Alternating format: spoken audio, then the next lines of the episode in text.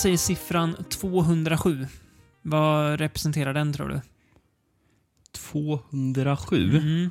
Det, det är sån här, ett nummer som eh, inte säger någonting. Nej, det kan ju vara, det kan vara allt och in, ingenting beroende på kontext. Ja. Men om jag säger att det är antal filmer som eh, Franco regisserade under sin karriär, så då är det ganska... Oj!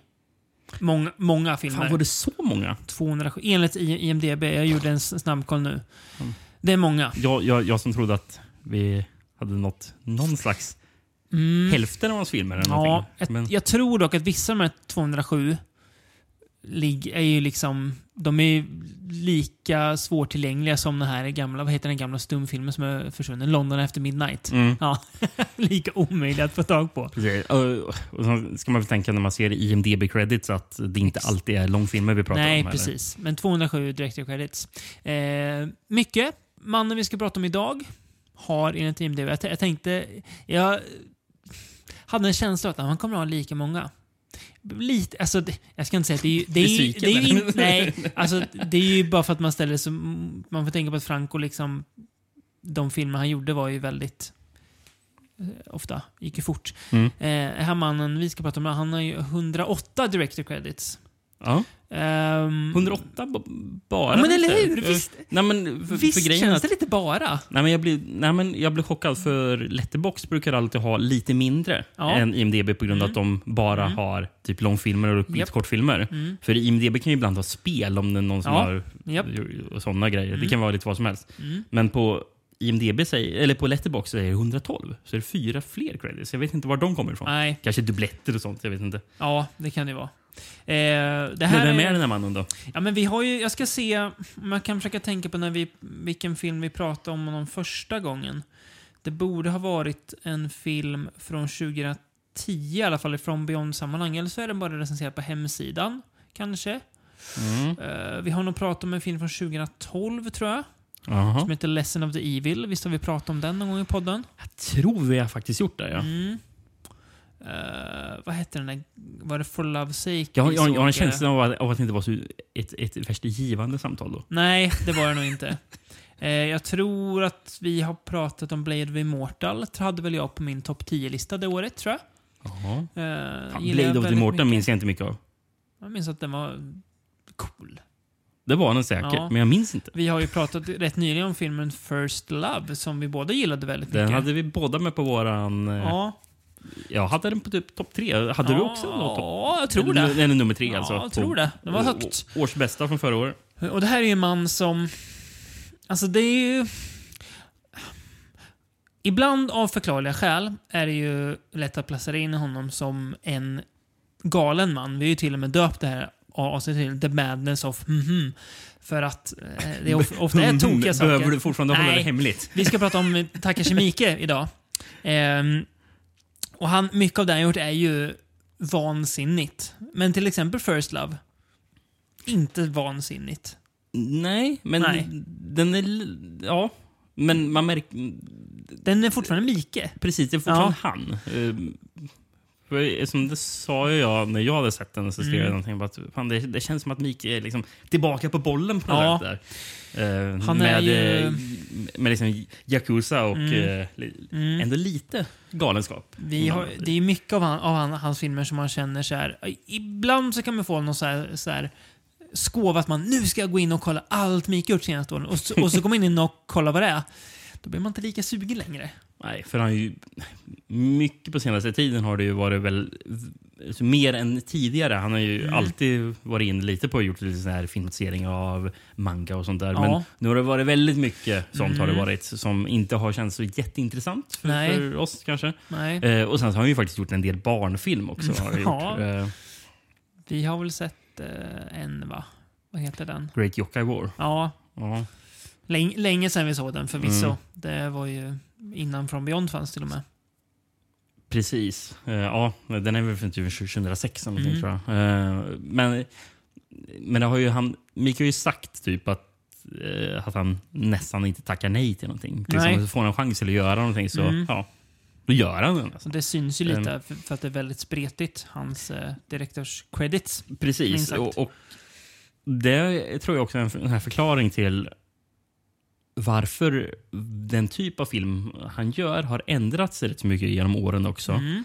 Eh, för eftersom han, eh, eftersom han har gjort de filmer som har blivit tillfrågad Mm. till att göra. Eh, alltså, ibland lite som sån här Gun for Hire. Bara, ja, vill du göra det här? Mm. Och så, så, ja, gör han det och tar sin egen prägel in Mm. på det här projektet. Men som man, man tycker synd att ja, de filmerna han gjorde eh, i början på 00-talet, i slutet på 90-talet, varför gör han inte sånt längre? Mm. Det är ju för att de filmerna görs inte längre i Nej, Japan. precis. Det är ju det är ju därför. Det, det, det, är inte, Mm. det är inte att Mike har Nej. valt att inte göra det, utan det är att det är ja, Ja- Japans filmindustri som har valt att Exakt. inte göra sån typ av Det är, film. just, det är ju som att, att säga, hörru du, Hideo Nakata, varför gör du inte The Ring längre? Ja, för att det görs inte sådana filmer Nej. längre. Alltså, jag tänker, de är lite samma look de filmer. Det här lite så här digitala video-looken som många filmer från den, den tiden har.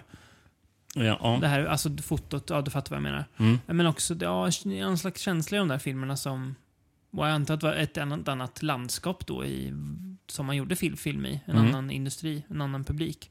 Eh, men eh, det är ju kul att komma att tänka på att Takashi är för fasen med i säsong ett av den här eh, Masters of Horror-serien ju. Precis, med eh, sitt eh, tveksamt, tveksamma bidrag, Mm. Imprint. Men vet du, vad? som vi såg på bio. Ja, just det, i Stockholm. Man är ändå lite sugen på att se om Imprint, för hur skulle man se den idag? Ja, jo, det är Mm. sant faktiskt. Men det är ju kul, Det, så okej. Den visades väl inte på, uh, på, TV, på, Nej, på Showtime? De, Exakt. de plockade bort Var den för för att de ska... Mm. Men det är kul så här med okay, Mikael Masserfar. Jaha, är han en skräckfilmsregissör? Nej, nej, det är han väl inte. Det var väl att han gjorde några... Alltså så här, vi ska ju prata om... Alltså han själv hävdar ju att han inte har gjort skräckfilm nästan. Nej. one, one Miss Colk är väl där liksom. Och, eh, Absolut. det kan man ju hävda att Audition är det. Ja, och Även fast han själv den? kanske säger att den inte riktigt är det. Nej, Men, ja. vad heter den där uh, antologin? Three Extremes. ja, just det. Ja, där han Mm. gjorde en film med. Ja, nej men... eh, ja, nej men då, det är ju, han är ju ganska svårplacerad Miko. Det är väl också lite av charmen med honom. Mm. Eh, ska vi börja 1996?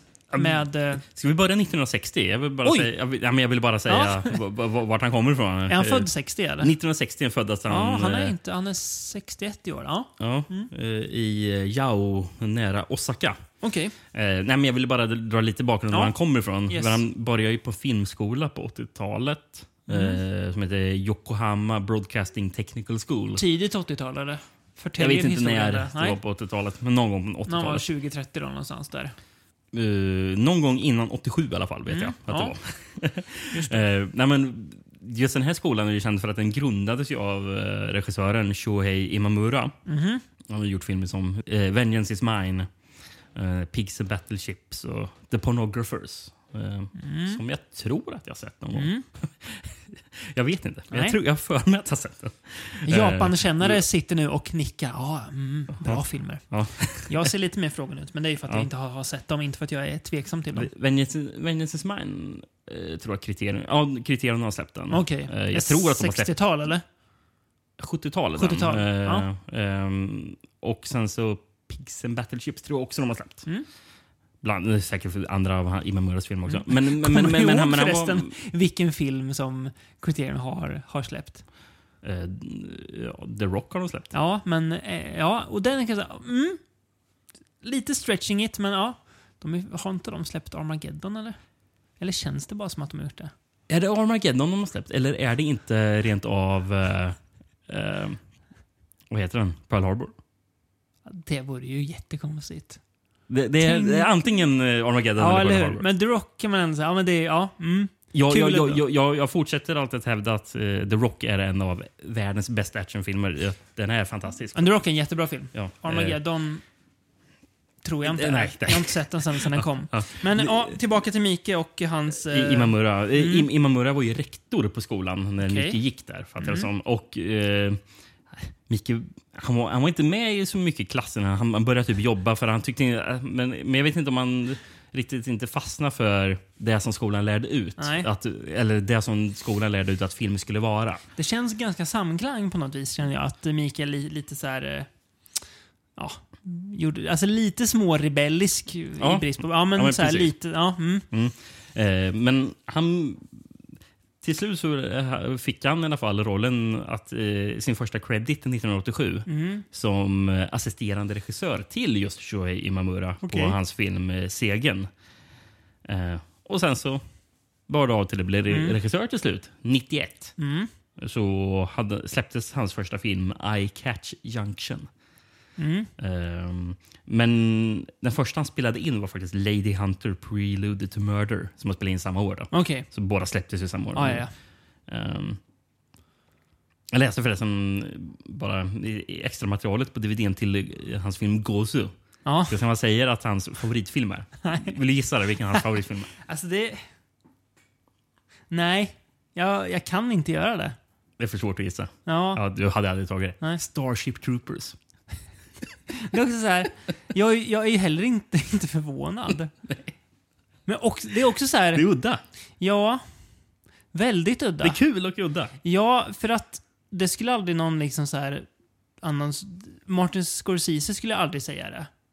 Han skulle ta någon, någon, någon, någon film som, som präglade hans ungdom. Ja, men, någon eh, någon typ nej, såhär Fellini-film eller något. Martin Scors- Scorsese skulle ha sagt Pigs and Battleships av Shohei Imamura. Ja, kanske i och för sig. Jag ska inte snacka skit om Scorsese. Men eh, precis, ja, då var han alltså, vad kan han ha varit då? 37 ändå? 36 när Starship Troopers kom. Mm. Favoritfilm? Ja, varför inte? Man kan ha många sämre filmer som fa- favoritfilmer. Och, Verkligen. eh, det finns ju sämre regissörer än Paul Verhoeven att ha en, en fa- favoritfilm av. Sannerligen. Sa- Sannerligen, ja. Ja, okej. Kul. ja. Uppiggande. Mm.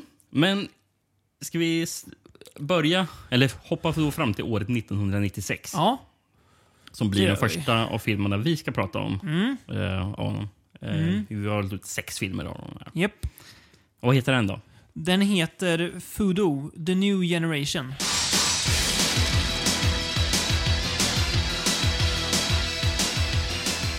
Japansk titel. Gokuro Sengokushi Fudo. Ja. Eh, som jag tror betyder Fudo the New, new. Generation. Ja. Jag fattar det som det. Eh, Ja. Eller nja, i Gokuro är inte det någonting med gangster. Så ja, jag, jag, jag tror det är. Min japanska är bristfällig.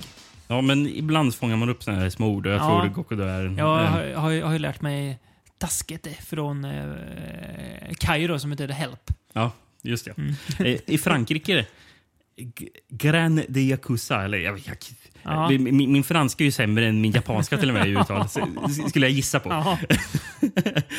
Yakuzans frö Ja, okej. eh, fick Alltså, jag översatt det till. På tal om språk. Finns det något språk där man måste alltså, där man kan välja antingen så läser jag det rakt av eller så anstränger jag mig verkligen som franskan. Alltså, det, Och hur man än gör blir det fel. det är otroligt lätt att misslyckas med franska. Extremt. Man tänker nu ska jag verkligen lägga rätt. Och så, det där var också fel. Vissa skulle nog hävda att jag misslyckas alltid med min danska också, men eh, jag tänker fortsätta med det. Mm, men jag som ändå... Tyvärr inga danska titlar Jag som idag. ändå pseudolingvist skulle säga att din, din danska är bättre än gemene mans franska. Tveklöst. Ja, roligt. Ja, eh, Fudo i alla fall, Mm. Ja. som vi väljer att kalla den. Mm, det gör vi. Ehm, ska jag dra lite handling om den? Gärna får du göra. Har en holländsk Mm. DVD. Det ja, just det. Ja, bra. För det har, jag, det har jag faktiskt hemma i hyllan av en av de andra filmerna vi ska prata om. Va? Mm. Okej. Ja. Eh, det står på baksidan ett, en eh, slags tagline, eller nej, något citat är det väl. Det dödar med kulor, svärd och sex. Kan du inte läsa det på holländska? Ja, just där står det faktiskt på engelska. Okej. They kill with bullets, tools and Tråkigt. sex. För det är ett citat från... Nej, det står inte. Det såg ut som att det var en sån här källa, men det Ja. var The Ultimate Ya- Yakuza Action Thriller. Stod det. Okej. Men resten Ja. står på holländska och det tänker jag inte läsa Nej, upp. jag förstår det. Ehm, Har du kört en klassisk Google Translate? ja, eller Yandex Translate. Den, den ryska eh, Google-motsvarigheten. Oj! Eh, de eh, brukar vara bättre, har jag märkt. Mm. Yandex. Det känns bara så här spontant. Yandex skulle jag inte våga, våga Nej, gå det in känns på. att, alltid som att jag är lite be bevakad om jag använder Yandex. Att jag är trackad. Ja, det är lite som att de här alla... Alltså jag är på Google också i Ja. sig, men- all, all, alla så här alt-right-människor inte litar på Twitter och använder det här Parler eller vad heter det is- istället. Lite som en Yandex. eller den här kinesiska YouTube-varianten. Det som Yandex också, Yandex också är bättre på, bara, bara för FYI. Eh, så här, reverse image search. Man kan söka en bild så hittar de Ja, fler bilder. det är fascinerande att de Yandex är har mycket bättre på det. byggt något bättre där än vad stora mäktiga googlar ryssarna kan. Ja. Ja, nåväl. Vad, vad, vad säger Yandex Translate då? Ricky Fudos utseende är vilseledande. Utåt verkar han snygg och civiliserad, men djupt inne genom ryter en eld. En eld som drivs av hat och önskan om hämnd. Som en liten pojke bevittnade han det brutala mordet på hans bror. I det ögonblicket svär han hämnd att ta på mördaren. Hans egen far! En far som dessutom är en ökänd ledare för den japanska maffian. År senare beslutar Ricky att bilda ett gäng på detta sätt. Gamla Yakuza-ledare en efter en eliminera. Ja, det var lite bristfälligt. Eller Mm. mm. Men ja, Mm. Ja, men bra sammanfattat. Ehm, hans, hans far dödar hans bror. Ja, för, alltså för att betala någon slags skuld han står i, va? Precis, till något annat eh, gäng inom, Mm. Ja. den här, inom det här sy- syndikatet. Mm. Eh, fattar det som att det är. Precis. Och Ehm. Ricky ser ju det här som väldigt ung ju. Alltså barn ju. Precis, han ser hur pappan går in i det här eh, ja, eh, rummet och, Mm. på, på natten och eh, hugger av huvudet honom, på, på honom. Det, För det får man se i scenen efter. Då, Så kan man också mörda sina barn. då, han, då han den där Fudo-farsan då, eh, sitter i möte med de andra Yakuza-ledarna Mm. och de bara det, räck- det kommer inte räcka med att du kapar av några finger för det här. Typ. Eller, det, det finns inget som du kan göra. Liksom. För de vill egentligen ha, ha den här... För det är egentligen hans son, alltså den äldre sonen som Mm. han nyss har mördat som de egentligen är ute efter. Ja, just det. Som har begått något misstag, ja. Precis. Men, men han liksom slänger upp det avhuggna, Mm. av, avkapade huvudet på bordet. Det är deras chock. Och så, sen sitter han och skrattar. Ja, det gör han. Så man kan ju fatta att Ricky vill hämnas. Verkar ju inte vara världens bästa farsa direkt. Precis. Ver, verkligen inte. Ja, det här är ju... Leder oss ju snabbt in på det här dilemmat som kan uppstå eh, när det blir en slags kulturkrock. Mm. Ehm, att ens filmtittarögon, eller ens narrativa hjärna, eller vad man nu ska kalla det. Eh, stö man stöter på lite patrull. Ehm, för att man... Alltså...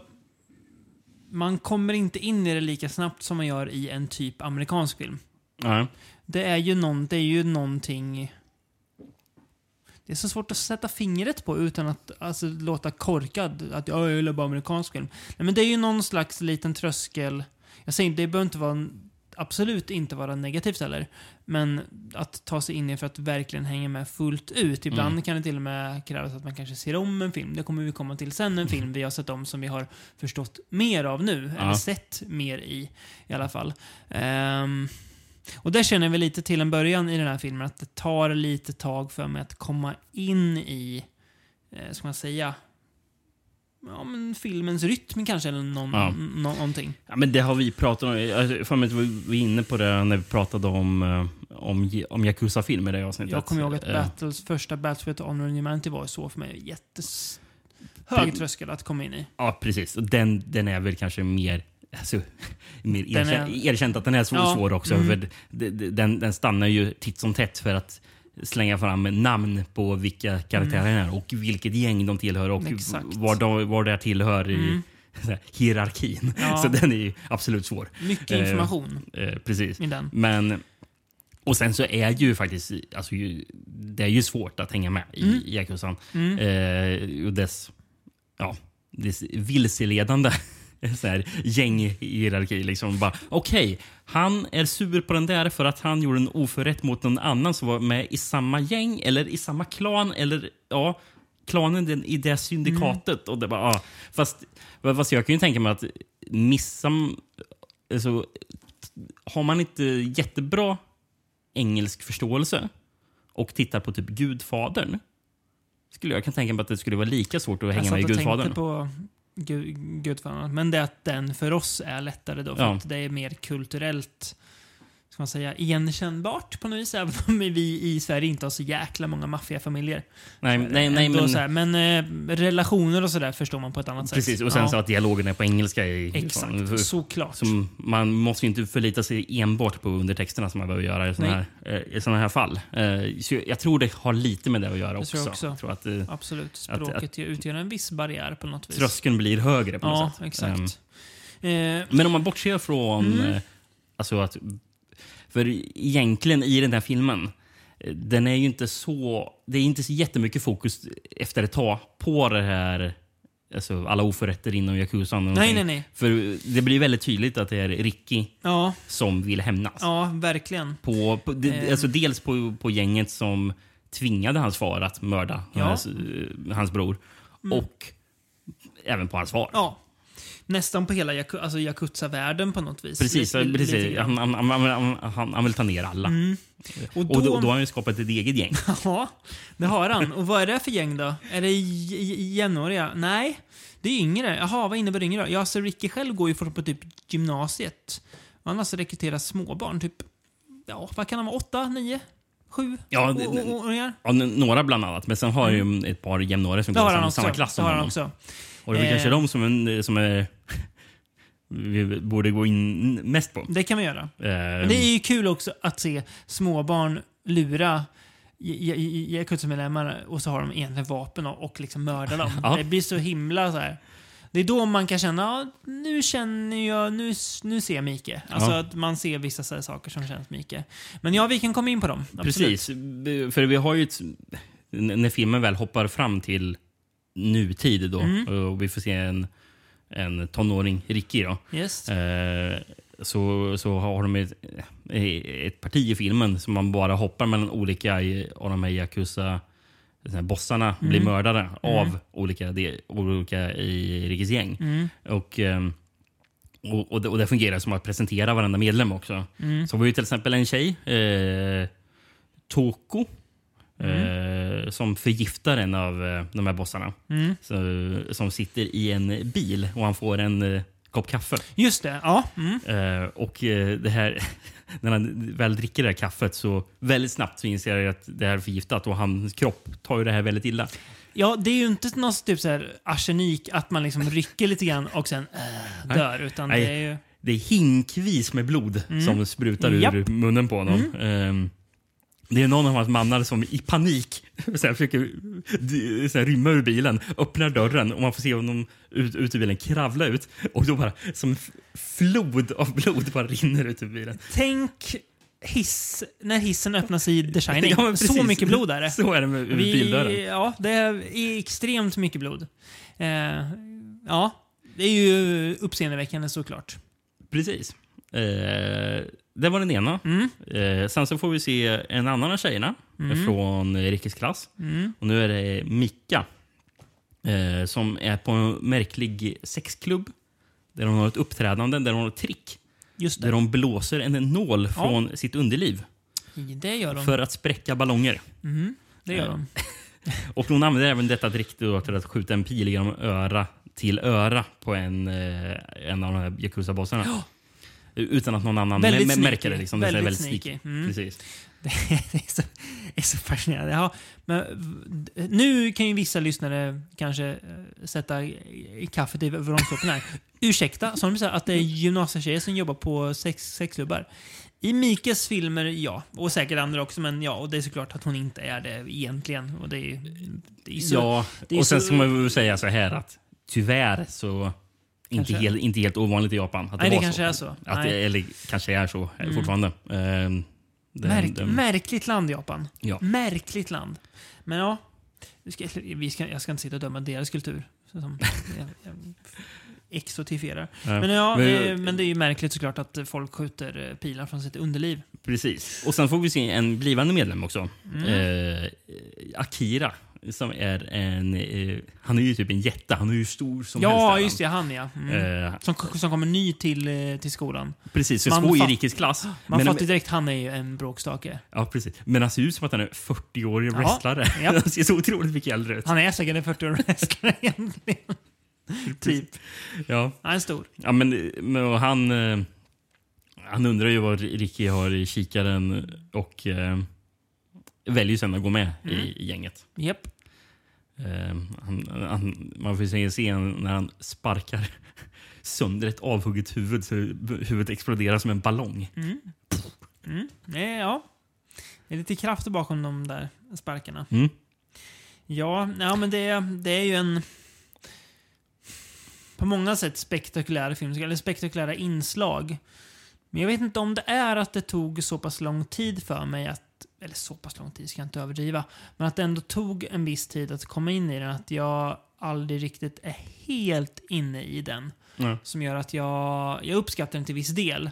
Ehm, men jag vet inte. Inte, inte hundra, men alltså bitvis kul och underhållande. Det är att det är lite rörigt i början, men sen så blir det, när väl Rikis hem börjar mer rakt på så blir det också bättre. Eh, för då är det lite mer vad jag kanske hade väntat mig. Förväntningarna Ja, kan ju också slå fel lite grann. Eh, och då tycker jag, ja, men här kan jag se lite spår av Mike. Mm. Utan att vara någon Mike-expert. Ja, men eh, jag, tycker den, det är fartfylld underhållning. Ja. Eh, nästan från början till slut. Mm. Liksom. Eh, det, det hela... eh, Intrigen ändras ju lite efter att eh, vi... Efter de gjort sig av egentligen med alla de Yakuza-bossarna Mm. och eh, Rikis eh, far eh, då anlitar någon koreansk eh, ex-soldat Mm. som, Ja, som, som ska, Mm. som ska ta, in, ta sig in till Rikis skola. Ja. För han låtsas ju vara gymnastiklärare, den här Mm. killen. Men jag, jag, skrev ner scenen då vi får först se den här koreanen Gon.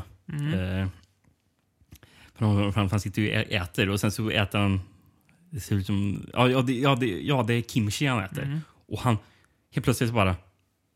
Han blir inte glad. Han blir så jävla sur. Han bara vrålar och springer ut i köket och, och börjar slåss med kockarna och så här vrålar och bara är det här det här ni kallar kimchi? och kockarna bara ja, men vi har gjort det på japanskt vis. Var han inte glad, den koreanen. Alltså. han vill ha ju koreansk kimchi, som det ska vara. Precis. Ja, Då vet Ja, men- man att det här är en dåre ja verkligen. Ja, man kan bli arg för mycket, men kanske inte för Och, kimchi. och, och han ställer ju till mycket problem för mm. Ricky dödar några av hans eh, Japp, eh, mannar och sånt där. yes. Men ja, ja, men Ja. Det, från, jag, jag, jag ty- jag tyckte det var en kul start. Mm. Eh, den här var ju tänkt att den skulle egentligen eh, komma till eh, direkt till video. Mhm. Eh, men den gick faktiskt ut på bio. Ja. Eh, vid den här tiden hade ju nästan allting, eller ja, nästan allting som Mika hade filmat hade ju släppts direkt till, direkt till video. Mhm. Eller det som i Japan kallas för V-cinema. Ja, okej. Eh, som populariserades med att VHS började komma till Mm. Japan. Då. Mm. Ehm, men det var liksom billiga filmer som spelades in på, på kort tid. Ja. Men när producenterna såg det filmade materialet här så eh, de tyckte att ja, det är lite bortkastat att det bara ska släppas direkt i video. Mm. Så, så de släppte den på...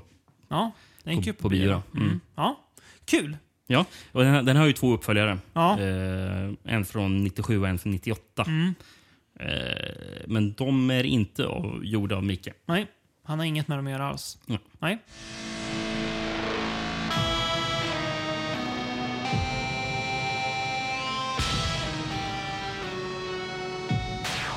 Eh, Ska vi gå från en, eh, en Yakuza-miljö till en annan? Det kan vi göra. Mm. En väldigt annorlunda Yakuza-miljö. Ja, det här en är inte väldigt lika... annorlunda film. Precis. Vi har inga eh, pilar som skjuts från underliv och sånt i den här filmen. Nej, det har vi inte. Nej. Vi, eh, 97 har jag skrivit eh, och filmen heter Rainy Dog. あの日の雨だった。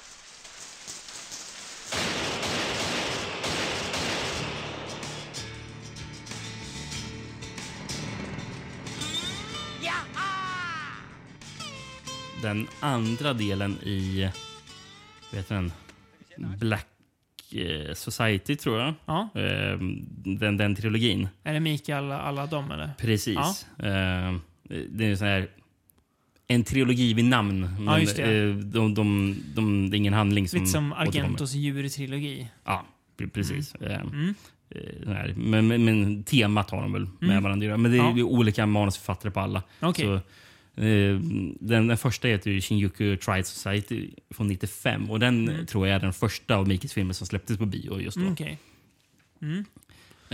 Eh, ska se, jag har faktiskt en eh, VHS. Mm. Nu en engelskspråkig VHS. Ja. Utgiven från Tartan. Mm, just det. Släppte mycket Oh. asiatiskt. Fina de var, Tartan. Kommer du ihåg hur man alltid gick och bläddrade bland Tartan-DVD-erna på SF-bokhandeln i Ja. Stockholm? Mm. Verkligen. Och det var där man hittade den här typen av film då. Mm.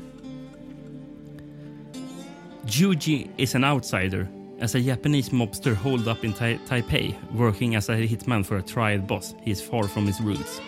Added to this complicated existence is the fact that his ex-wife has just dumped a young boy, probably the child, on his doorstep.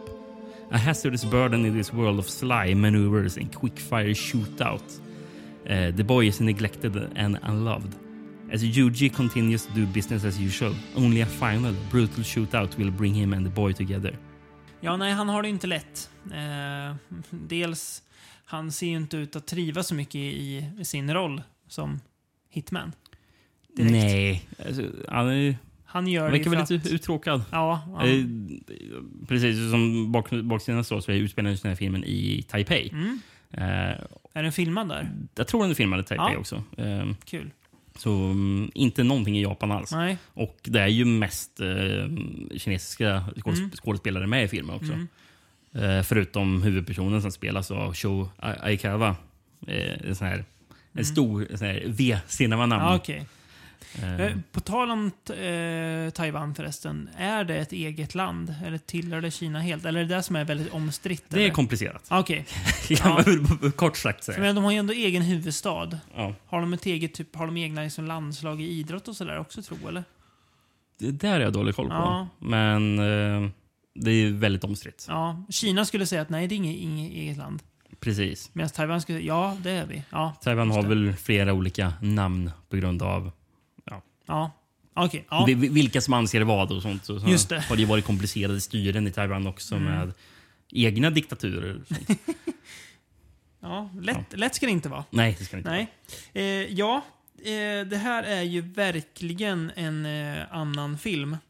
än Ehm, föregående. Ja. ja. Det här är ju stillsamt. Ja, det här är ju, ja precis, ganska, alltså om man tänker att eh, Fudo var ganska så här tokig så är den här väl ganska lågmäld. Precis, det känns ju mer som att den här filmen skulle kunna vara gjord av Takashi Kitano. typ. Tänkte precis på det. Eh, Exakt. Ja, eh, gan- ganska så här, ja. Mycket funderingar och ganska långsam och ganska deppig också. Mm. Och eh, lever filmens upp till sitt namn. Ja, det är ju in, inte så mycket regniga hundar, men det är fan mycket regn i den här filmen. verkligen. regnar väldigt mycket och det förstärker ju det här väldigt. Ja, men det är alltså lite som du sa, att han ser uttråkad ut. Det är ganska monoton vardag, ganska grått och inget vackra. Alltså, type, man blir inte jättesugen på att åka till Taipei när man ser den här filmen. Det är inte såhär, åh, vilken vilke, vilke vacker stad.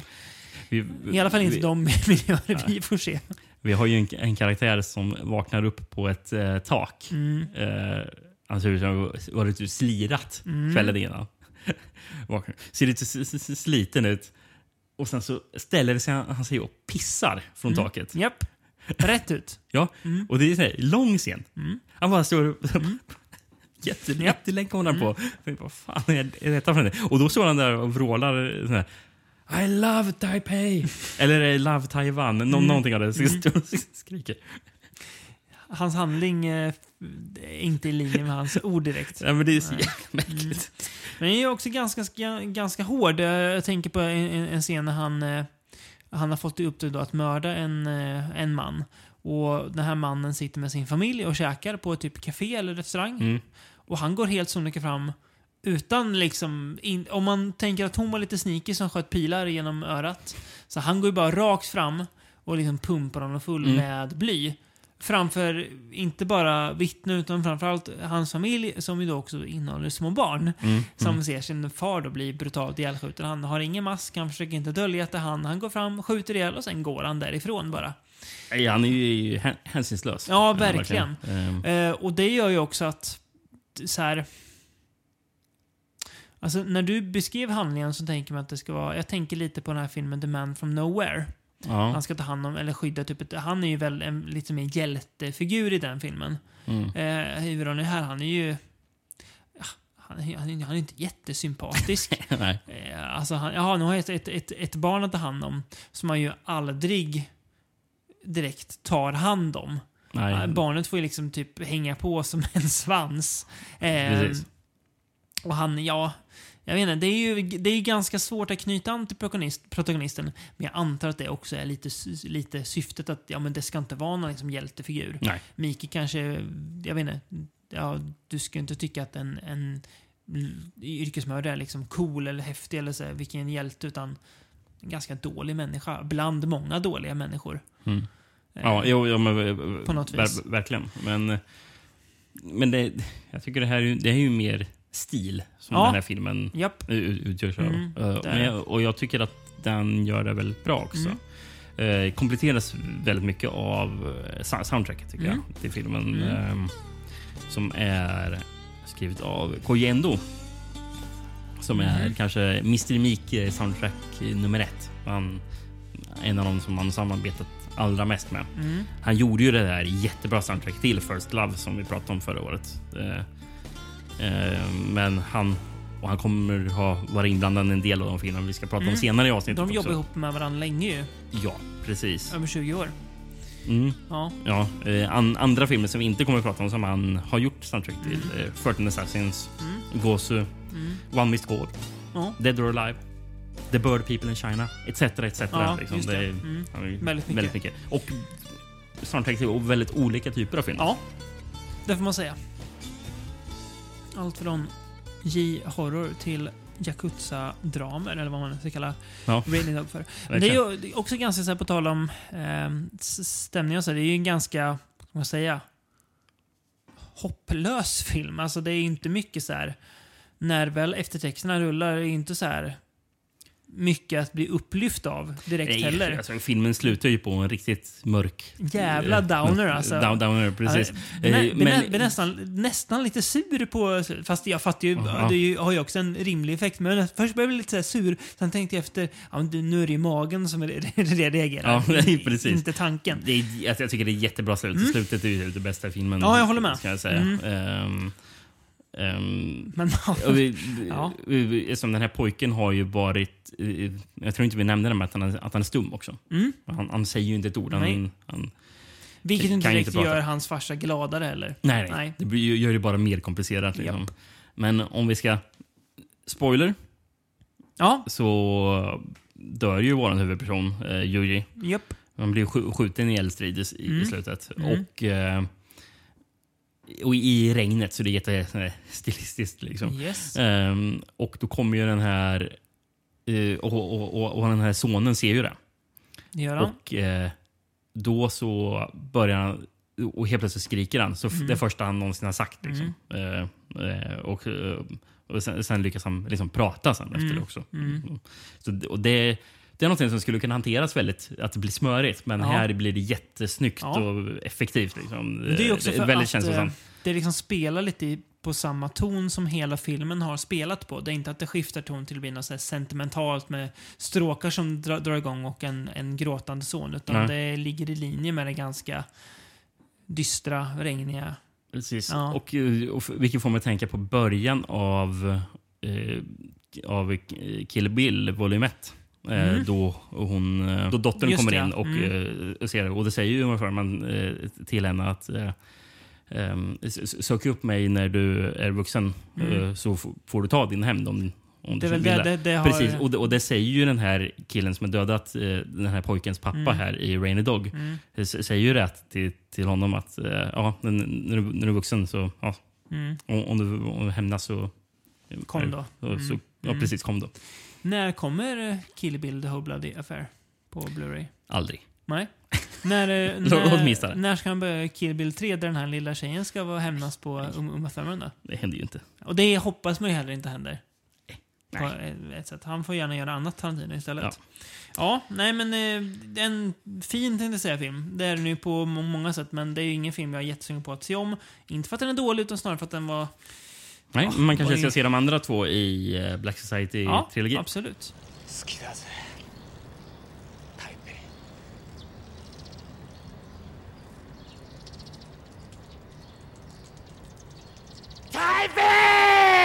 Ska vi klättra oss vidare till 1999? Något helt annat. Ingen Yakuza Igen? Nu. Nej, verkligen inte. Fortfarande lågmält, ska man väl säga. Större är, delen av filmen. Ja, men det här är ju den mest lågmälda av filmerna. Mm, I alla fall stora delar av filmen. Ja. Tills, eh, ja, det kan vi ta sen. Men det är ju då Audition från 1999.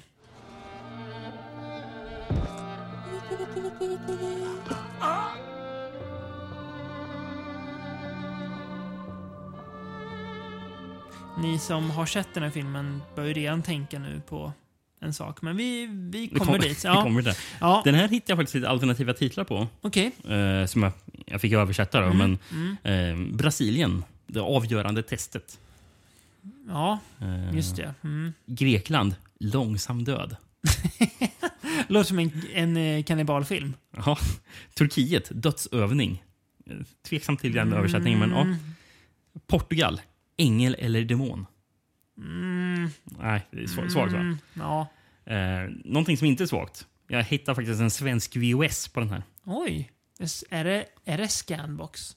Nej. Eh, det är Horse Creek. Oj, har de... Jag visste inte att de hade gett ut den här. Nej, inte jag heller. Nej. Kul. Eh, ett citat från The Guardian Mm. på framsidan. Mm. Eh, fem stjärnor. Den starkaste och mest otäcka sexiga thrillern på länge. Ja. Ja. Låter ju inte som den här filmen, men ja, Nej, fine. nej. Har, mm, innan du läser handlingen och sådär. Finns, för Horse Creeks, eh, både VS och DVD har ju ofta så här konstiga citat och sånt. Eller så här, bild Har ett som, citat på baksidan. Som, som man hajar till lite på, eller? Jag vet inte, jag har inte läst det innan. Nej. Jag- det, det är ju faktiskt citat rakt från Va- Variety, så Ja, jag tror okej. inte man har hajat till. För jag tänker, Creek brukar an, an, an, an, annars ha så här, typ... det är något klassiskt när det är någon, någon film. Jag tror det är en ganska kass, kass skräckis. Citatet, det är ju inget citat, men det är inom statningen så står det horror. Jag, tror- jag, tror- jag tror vi Bara. säkert sagt det tio Ja, gånger i den här podden. Och sen under källa. IMDB. Ja, fil, filmen är alltså klassad som genren skräck enligt IMDB. Ja. Citat. Ja, det, det är, fan, det det är är så märkligt där. Ja, Det, det är värt att ta upp varenda gång. det är ändå det. Ehm, citatet från Variety är Mm. en verkligen chockerande skräckfilm om besatthet som förvandlas till ren ondska. Audition blir ännu mer skrämmande tack vare sin förföriska skönhet. Stora kalla kårar ända till sista bildrutan. Mm. Ehm, men handlingen? En blyg medelålders enkling, Aoyama, försöker hitta en ny kvinna genom att anordna en oäkta uttagning för en påhittad film. Han faller för den tystlåtna och förföriska Asami, en före detta ballerina med ett dunkelt förflutet. Deras lugna och finstämda förhållande förvandlas totalt då Asami, som låtsas vara stereotypen av den underkastade japanska kvinnan, tar ut sin hämnd på Aoyama med djävulskt utstuderad noggrannhet. Det här är ju en film som jag kan... Så här, det är lätt att de sista liksom, scenerna fastnar hos en. Mm. Av många förklarliga skäl. Men det blir också lite orättvist att bara, inser jag själv när jag ser om den också, att bara se filmen i ljuset av de scenerna, för den är väldigt mycket mer. Precis. Filmen är nästan två timmar, va? Ja, Eh, den eh, klockar in, ja. så typ då har vi timmar. ju kanske en timme och 40 minuter av, av annat. Ja, verkligen. Som inte är... Nej, de, de, man anar de att något liksom. lurigt är på gång, men Precis. inte... Mm, men, men som är en väldigt stillsam och försiktig film, ska man nästan kunna säga. Ja, men det är ju, ett, Eh. det är typ ganska så här, ska man säga, deppigt relationsdrama på något vis. Precis, som Eh. är jätteslow burn. Mm, Eh. väldigt mycket slowburn är det. Precis. Precis, som- fungerar väldigt bra på, på grund av... eh, Ja, dels faktiskt tycker jag den är jättesnyggt fotad. Mm. Den är riktigt fin att Mm. titta på den här Mm. filmen. ja. Eh, och- Men soundtracket som är han då, Koji Endo, som har Mm. gjort det här. Och det är nog det bästa soundtracket vi pratar om Mm. idag. Är Mycket, till bra. Det är ruskigt bra. Mm,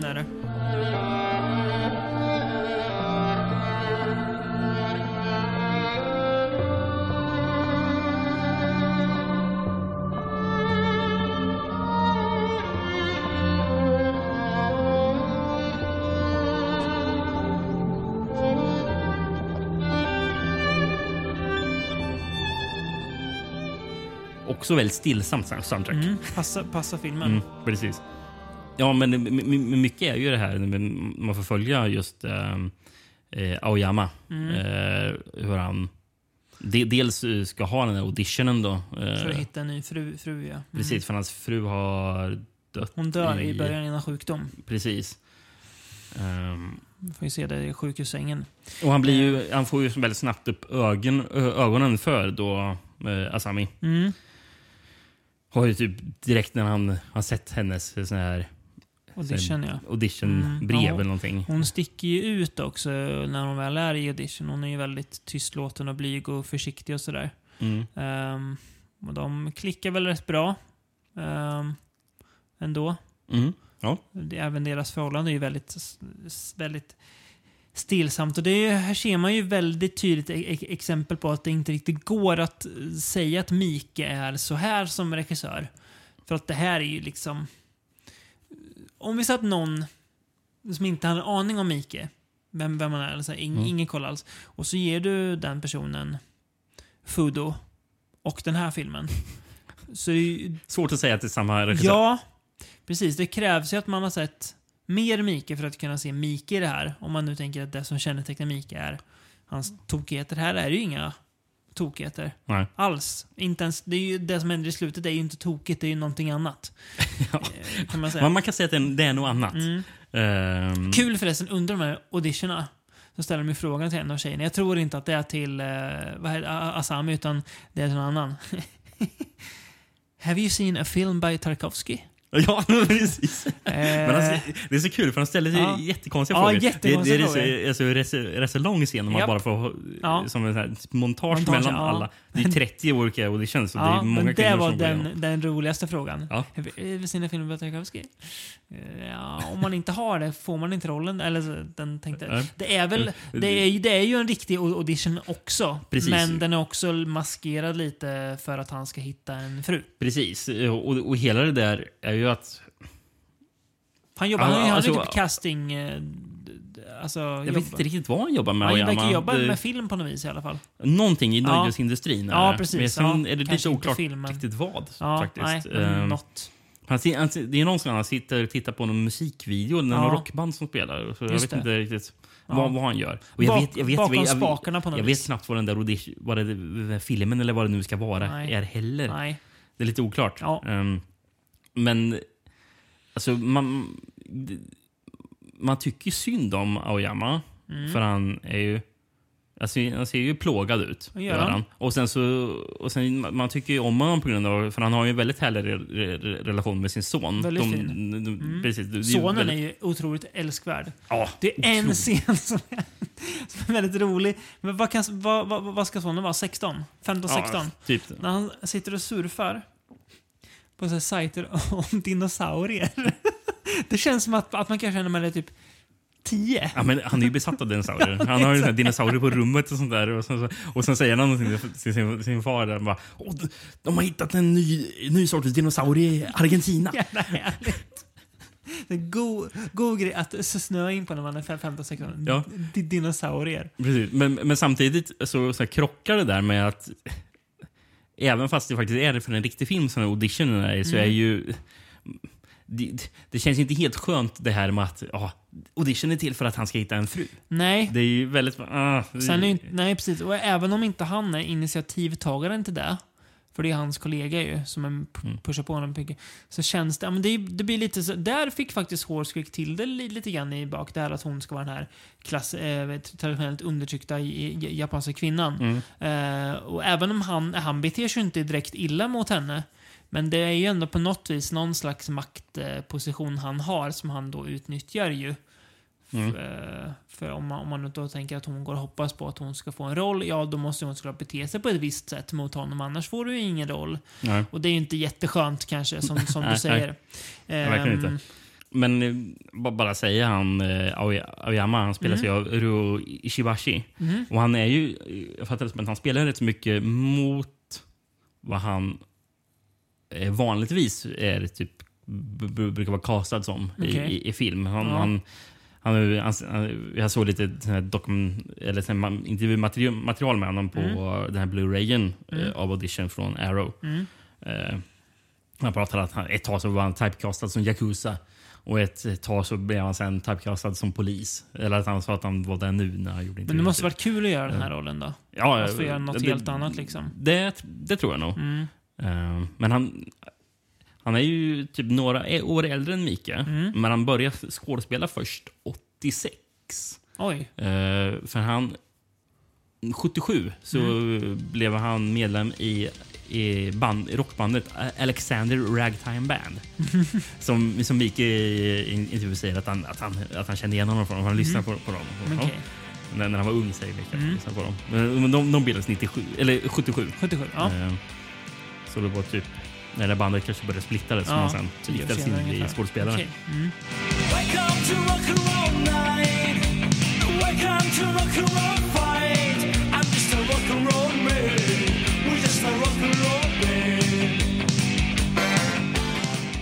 Men det- den man kanske absolut ska prata om, det är ju um, i Kina som eh, Asami. Ska vi, prata, ska vi prata lite om slutet också då? Ja, det ja, är ju det- svårt att prata om hennes... hon, eh, hon visar sig bära på rätt... Eh, dels jäkla trasslig och mörk eh, bakgrund. Mm.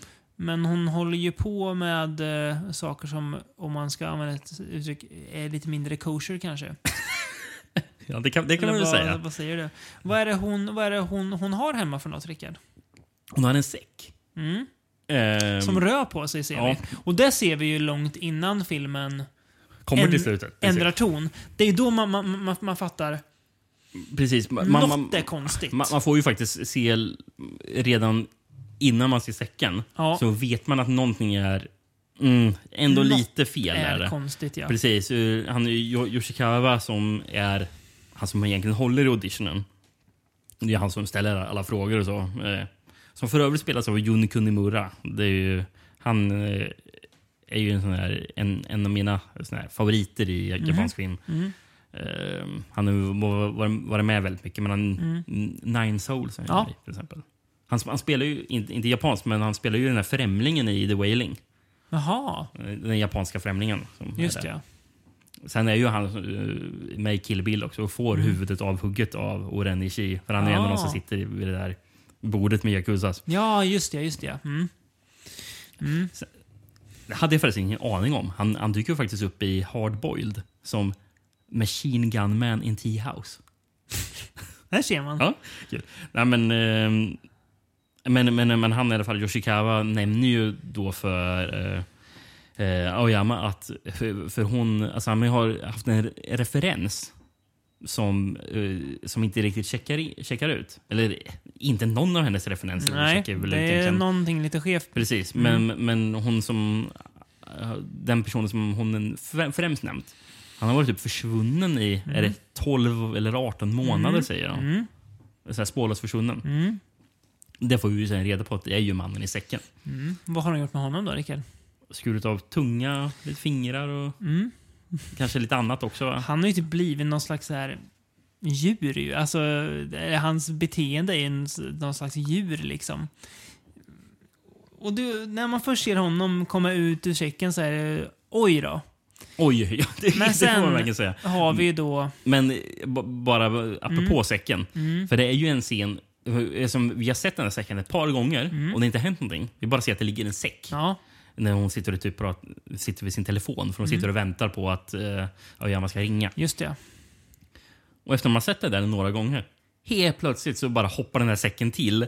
Med, och sen ser det ett högt ljud som låter som typ en gris som grymtar. Typ, liksom. Japp. Den, alltså första gången jag såg den här Ja, filmen, Ja. Fy fan, det, det skrämde livet Ja, ur mig. För, man är, för då, för det kan det vara så här 40 minuter in i filmen. Ja, och den har varit så stillsam och försiktig. Och sen kommer det även ingenstans. Mm. Ja. Men sen då Yikes. så, eh, precis. Filmens sista akt stegrar ju väldigt mycket till då att, eh, ja, Asami Eh, visar sin... Eh, Rätta sida. mm, Eh, hon bryter sig in hos Aoyama och Mm. förgiftar hans whisky. ja, så när han kommer hem sen um, dricker han den där och sen så tuppar av. precis. Vaknar upp förlamad typ. Ja, Bedövad. groggy. Ja. han blir, jag tror han blir förlamad när hon sticker nålen i tungan det, på honom. just det. För då är det bedövningsmedel. Och det är någon slags, alltså, han är medveten om vad som händer och kan känna vad som händer. Men kan inte göra något åt det. Någon slags sömnparalysläge nästan. Ja, precis. Att eh, nu ska du få med om någonting. Och då plockar hon fram eh, då... Akupunkturnålar. Ja, hon började med, med, med det ja. Som kör, hon kör någon slags, vad ska man säga, omvänd eller an, an, an, anti-akupunktur. Mm. Där hon eh, sätter i nålar på de ställen som ska göra allra mest ont istället. Mm. Eh, hon, så man får se att, hon har, att han får såna nålar över hela bröstet. Typ, Åh. liksom, som, och han verkligen vrider sig i smärtor. Mm. Eller han kan ju inte vrida sig. Nej, men... eh, ja. Men, men han uttrycker verkligen smärtan. Ja. Och sen så sätter hon nålar under ögonen på honom. Mm. Och sen när han väl ser, har satt i de här nålarna så, börjar hon, så slår hon lite lätt på dem också. Så man får se bara, ah, ah, nej, det gör så jävla ont att se. Och Ja. då, när de sätter in nålarna också, vad är det hon gör då? Hon säger något. Ja, kiri, kiri, kiri, kiri. Ja, precis. Så, men vad är det där för någonting? Hon, hon så här, sitter och ler till när de gör det. som att hon verkligen njuter av Ja. det här.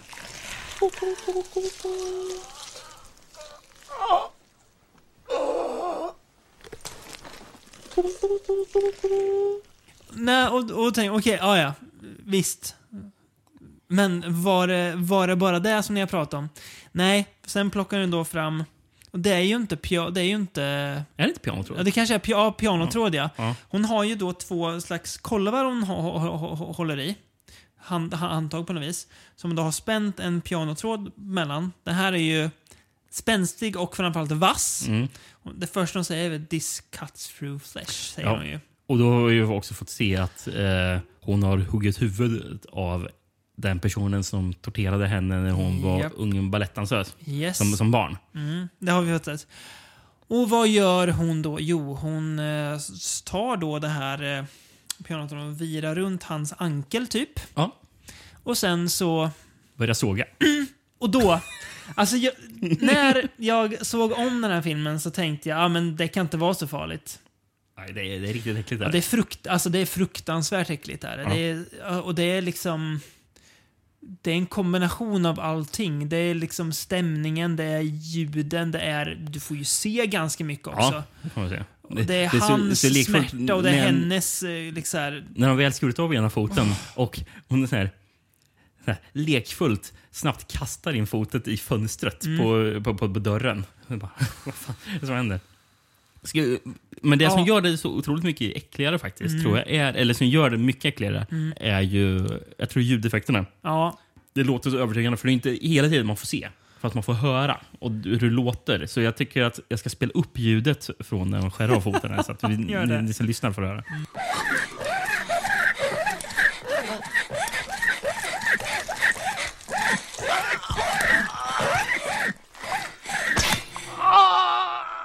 Det är, så, det är så jävla vidrigt. ja, men det... Eh. Ja. Det som är viktigt är också med bra liksom, ljuddesign för att skapa att det kan göra mer än det visuella ibland. Men det, det, är verkligen, det, det känns gör det när man ser det. Man, man får så här spöksmärtor nästan. Mm, ja, verkligen. Eh, och det är ju det är ju de, de scenerna som har blivit lite filmens le- legacy och det kan man ju förstå för att de är, alltså det är verkligen wow! Var kom det där ifrån? Ja.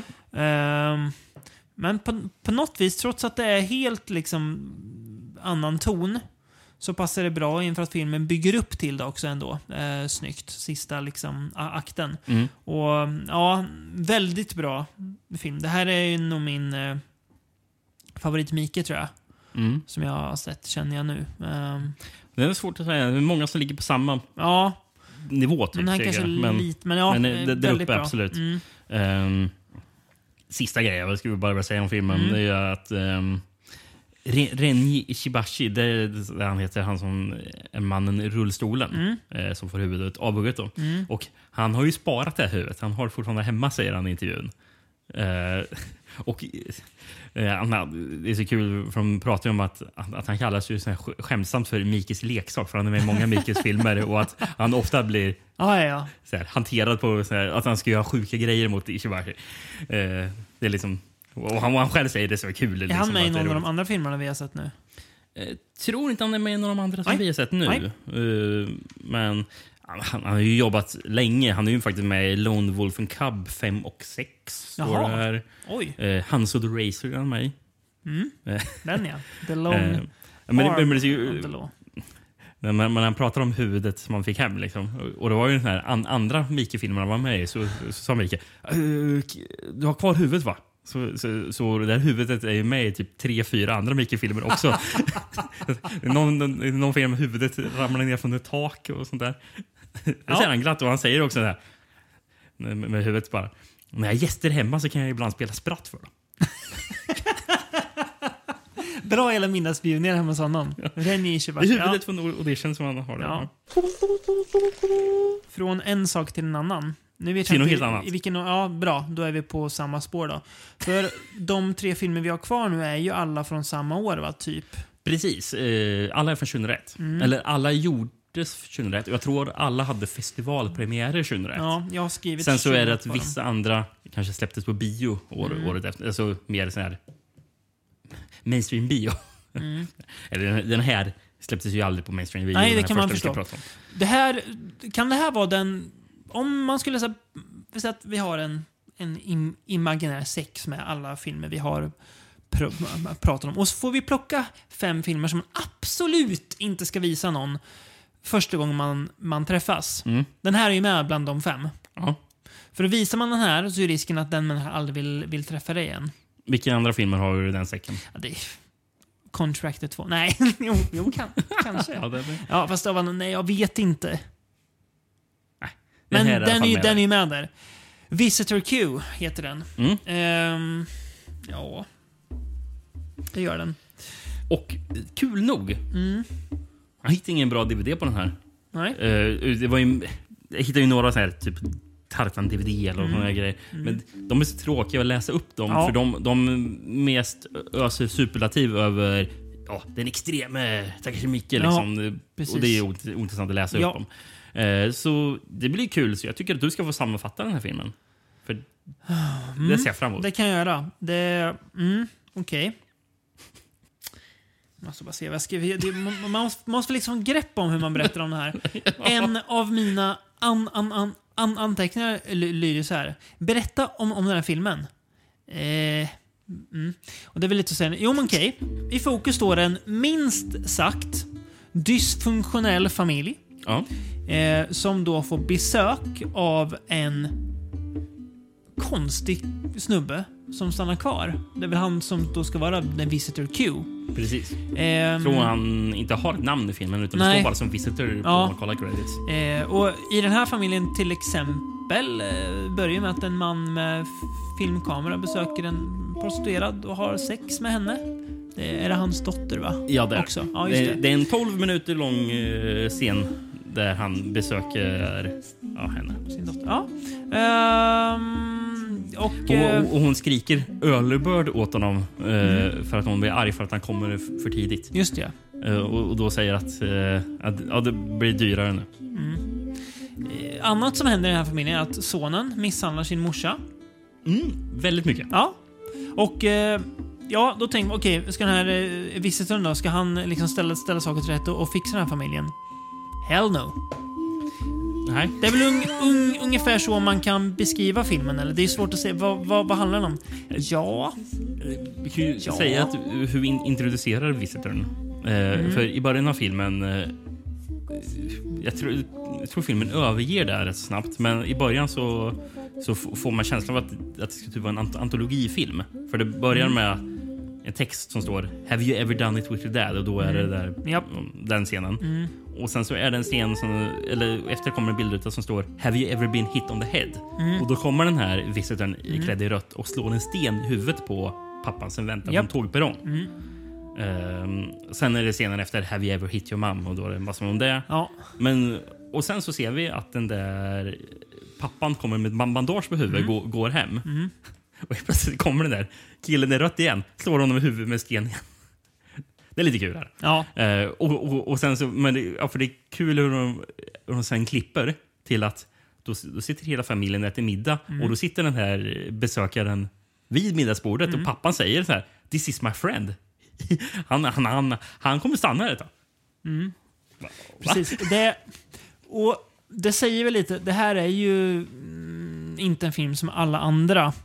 Nej, det får man väl då säga. En väldigt absurd film det här. En väldigt provokativ film. Ehm, du har inte sett den förut va? Jag kom på när jag tittade på den att jag, jag har sett typ halva filmen. Okej. Mm. Och, den, och, och att jag tror att jag behövde avbryta någon gång. Mm. Och jag tänkte bara, ah, men jag, jag kollar vidare på den eh, när, när jag har tid sen. Mm. Och att det blev aldrig som eh, jag är inte så sugen på att starta den här. Jag, jag, jag tar den någon annan dag. Och sen blev det så här att, och sen, Mm. Ja. sen blev det helt plötsligt för länge Ja. sedan jag hade sett. Ja. Så att det aldrig... Så jag, men, jag kände igen rätt många scener Okej. Mm. fram till typ halva filmen. Ja. eh, Insåg jag. Jag har sett den en gång förut, då minns jag. Ja, den här är ju magstark. Ehm, mitt problem med den här filmen är att Jag vet inte... Jag, jag känner att den är liksom inte så mycket mer än sin provokation. Nej. Den är, ib, ibland är den ju så bisarr. Det där är ju en kul scen när han slår honom i huvudet. Men också må, många scener som... Alltså det här sexen ibland. Det är det är bara äckligt liksom. Ja, och att hålla på så länge också. Det- Ja, och jag vet det- inte vad Men vill... det, det, det jag skriver för är att jag känner att det inte riktigt som att den tar vägen någonstans. Nej, Det, jag vet inte vad filmen vill. Nej. Ska den, så här, ska den säga något eller ska Mikael bara jävlas med oss? Det skulle lika gärna kunna vara så. Ja. Han den där Miki-vetaren, vad heter han? Tom Mess eller vad heter det? Ja. Han, han skulle väl säga att det säger någonting om Japan. Eh, säkert. Det gör det Om säkert. Det, det finns säkert någon tanke bakom det, men Mm. den tanken eh, kommer inte riktigt fram till mig. Nej. Gör det, inte. Det, det, det, är- det är en scen som är väldigt kul. Ja, får se om det är samma. När, eh, alltså det låter ju konstigt att säga att, att det här är kul, men i filmens kontext är det kul. Eh, när det är farsan va, som ska ha sex med ett lik. Ja, precis. Eh, det är den scenen jag tänkte på också. Nekrofili, det är ju inte kul ge- generellt. Ehm, men här är det kul för att vad händer då? Jo, han fastnar i liket. Eh, och kommer inte loss. Och familjen behöver hjälpa honom att komma loss. Och Jag, det, det var faktiskt inte den grejen jag tänkte Nej. på, men det är från samma scen. Jag Ja. har en annan grej. men det är ju kul. De Ja. häller olja och grejer för att han ska glida. Han, äh, massa friktion, jag har fastnat, det är nå- uppstått något vakuum. Jag måste, måste jag skära av min kuk liksom? Ja. Det är ju, det är ju såklart, det är ju märkligt att säga, jaha, är det filmens höjdpunkt? Ja, men det kan, det, på ett sätt kanske det är det också. Eh, men Ja. det är kul i filmens kontext, för att i, i filmen så är inte det något konstigt. Det är snarare filmen så här minst uppseendeväckande scen på ett Ja. sätt, för att det är inte så äckligt, det är mer bara skruvat liksom. Det, det var en annan scen, eller en, annan, en annan del i just den scenen som jag, som jag skrattade till. Åt. Ja, Eh, som också, alltså det är ju äckligt. Där. Det, det är ju, det är, ju- all, mycket allt är ju fel, men allt Ja. är ju äckligt med den här filmen. Men jag tyckte det var kul hur det sades, för det är en Mm. replik. eh, Är det. Eh, för han har- sex med liket och, och, och, och jag citerar undertexterna nu så jag tar det på engelska. Eh, men han, han säger den här The mysteries of life are amazing. Even a corpse can, can, can get wet. För han in, Mm. det, att det är fuktigt. ja. Och sen så, så, så tar hon upp sin hand och ser att det är avföring. Mm. Och, och, och, men det är så kul hur han vä- vänder från, vänder från eu- euforin och sen bara ropar ut It's not a mystery of life, it's shit. Bara, det, det det, det, det är inte ett av min livs Det är mysterier. ju som att, att, att han går från så här upptäck någonting och sen bara, äh, det, det var inget. Ja. Och det, han, Ja. han, han, han ropar ut precis in, innan så bara Corpses are good enough for me. Eh, hade det blivit skilsmässa om din fru kommit in i vardagsrummet och sett dig glo på den filmen? För du såg den på natten när hon hade gått och lagt sig va? Det här var en film jag valde. Hon har inte lyssnat på våran podd så länge så jag vet inte om hon kommer höra, lyssna på avsnittet. Det är kanske lika bra.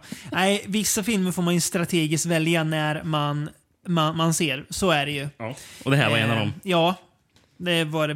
Det här, det här liksom be- bestämt. Den här filmen ska jag inte ska se sent. Eh, när Ja, familjen kanske sover. Kanske hade också varit konstigt om hon kom upp och eh, du har sett någon, någon av de scenerna då besökaren mjölkar mamman. Det hade också varit rätt så märkligt, ja. Han, Eh, han, en scen han sitter bakom ett paraply och hon sprutar mjölk på honom. Ja, ja. Det, det, det känns är det. fel att säga. Alltså. Ja. Ehm, Nästa film vi ska prata om såg jag faktiskt när hon var vaken. Eh, det kan man ju tänka, gjorde du det? Ja, det vågar jag ändå slå på. Ja, Ehm, den har ju också en del eh, material som är Sannerligen. uppseendeväckande kan man säga. Precis. En film som bygger på en manga, va? Ja, som är bra. Ja. ja. Har du, ja, just, du har läst den? Ja, jag har bara sett... Jag har inte läst hela, jag har Nej, läst läst lite delar. för massor med år sedan. Eh, Itchy the Killer.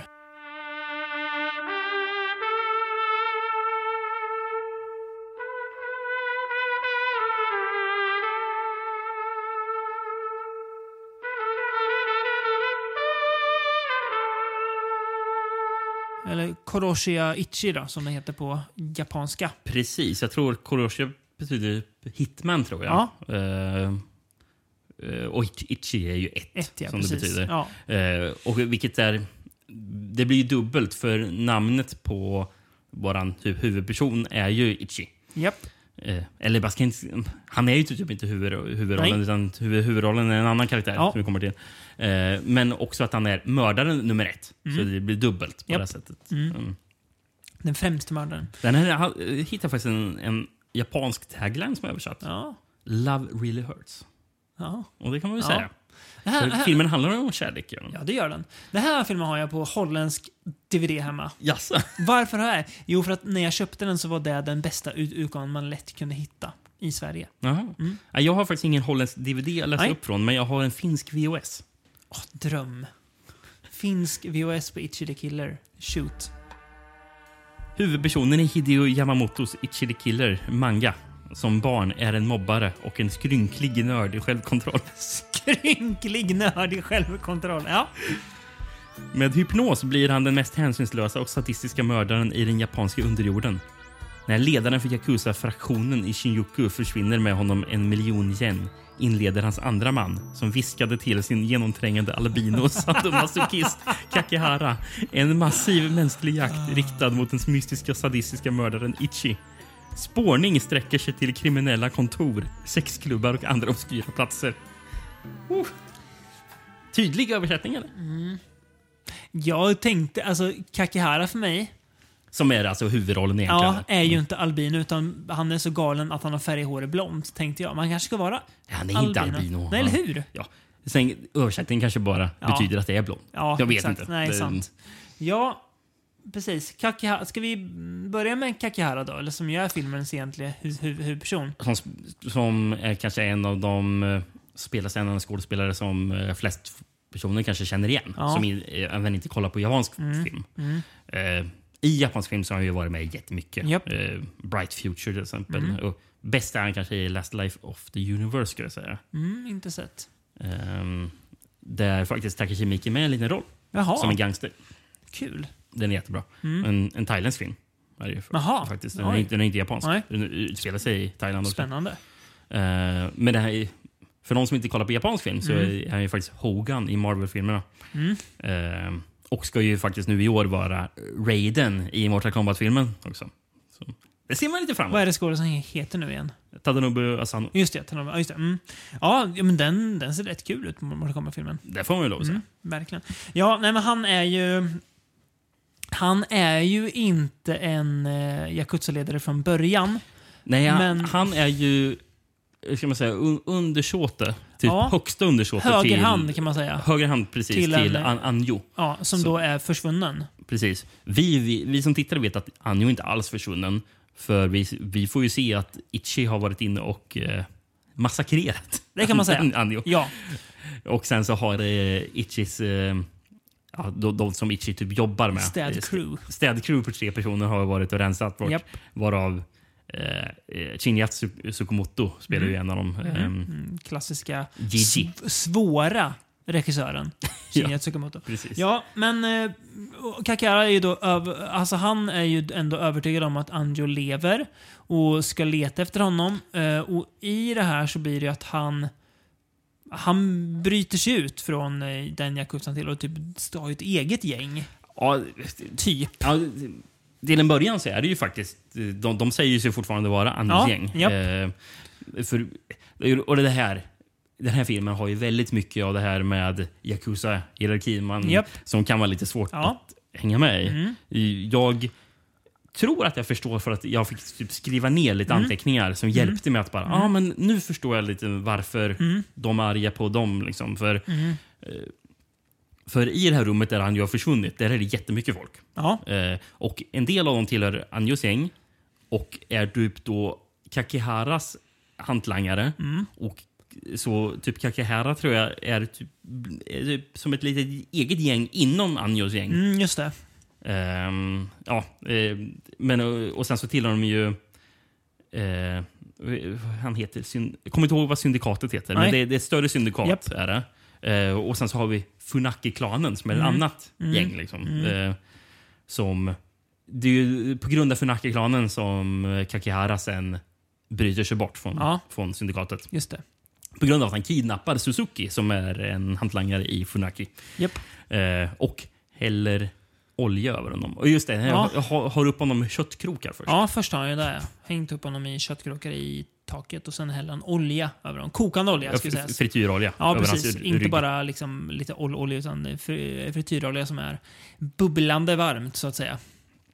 Precis. Och medan det där försiggår så Mm. sitter ju en, en av personerna i det städcrewet, alltså Shina Tsukamotos karaktär, Gigi, sitter ju där. För när man förstår är att allting är ju hans plan att spela ut Yakuzan mot varandra. Typ. Japp. Han vill ju söndra Ja, Att allt ska falla Yakuzan. inombords. Ja, liksom. exakt. Ja, för det är väl han som är lite Ichis mentor, typ. ja, precis. Ja, får vi veta sen. Så han är, är, väl typ en... lite så här, hjärntvättad Ja. eh, på grund av honom. Mm, mm. Får, man ju sen reda Ja, på. Ichi kom, det är ju intressant med Ichi, för han, eh, han är ju med i filmens första scen. Väl? Mm. Ja. Det så- har en av eh, filmhistoriens äckligaste såna här logosekvenser Oh, ja. där, där filmloggan kommer upp. För filmloggan, vad, vad vandrar den upp ur? Jo, men Ichi står och kollar på en våldtäkt. Och eh, Ja. Ichis relation till våldtäkter är inte som...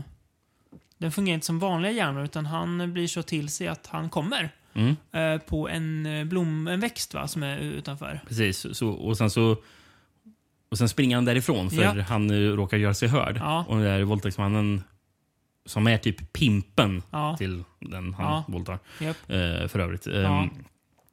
Tittar ner på backen och ser en stor pöl av eh, är sperma. inga, inga dåliga mängder heller. Och ur den här pölen så kommer log filmens logga. Goroshi Aichi. det är så jävla Och sen samtidigt, som det droppar Japp. ner i den. Det är så jävla vidrigt. Ja, det. Ehm, precis. Men han, han är ju med i, men sen så försvinner han rätt stora perioder av filmen fram till egentligen när han och Kakiharas, för Kakihara börjar ju sen höra talas om den här Ichi och blir ju Alltså, du, du, du pratar om att, att filmen handlar om kärlek. Kakihara är ju... Han är ju kär i Anjo, säger han ju också.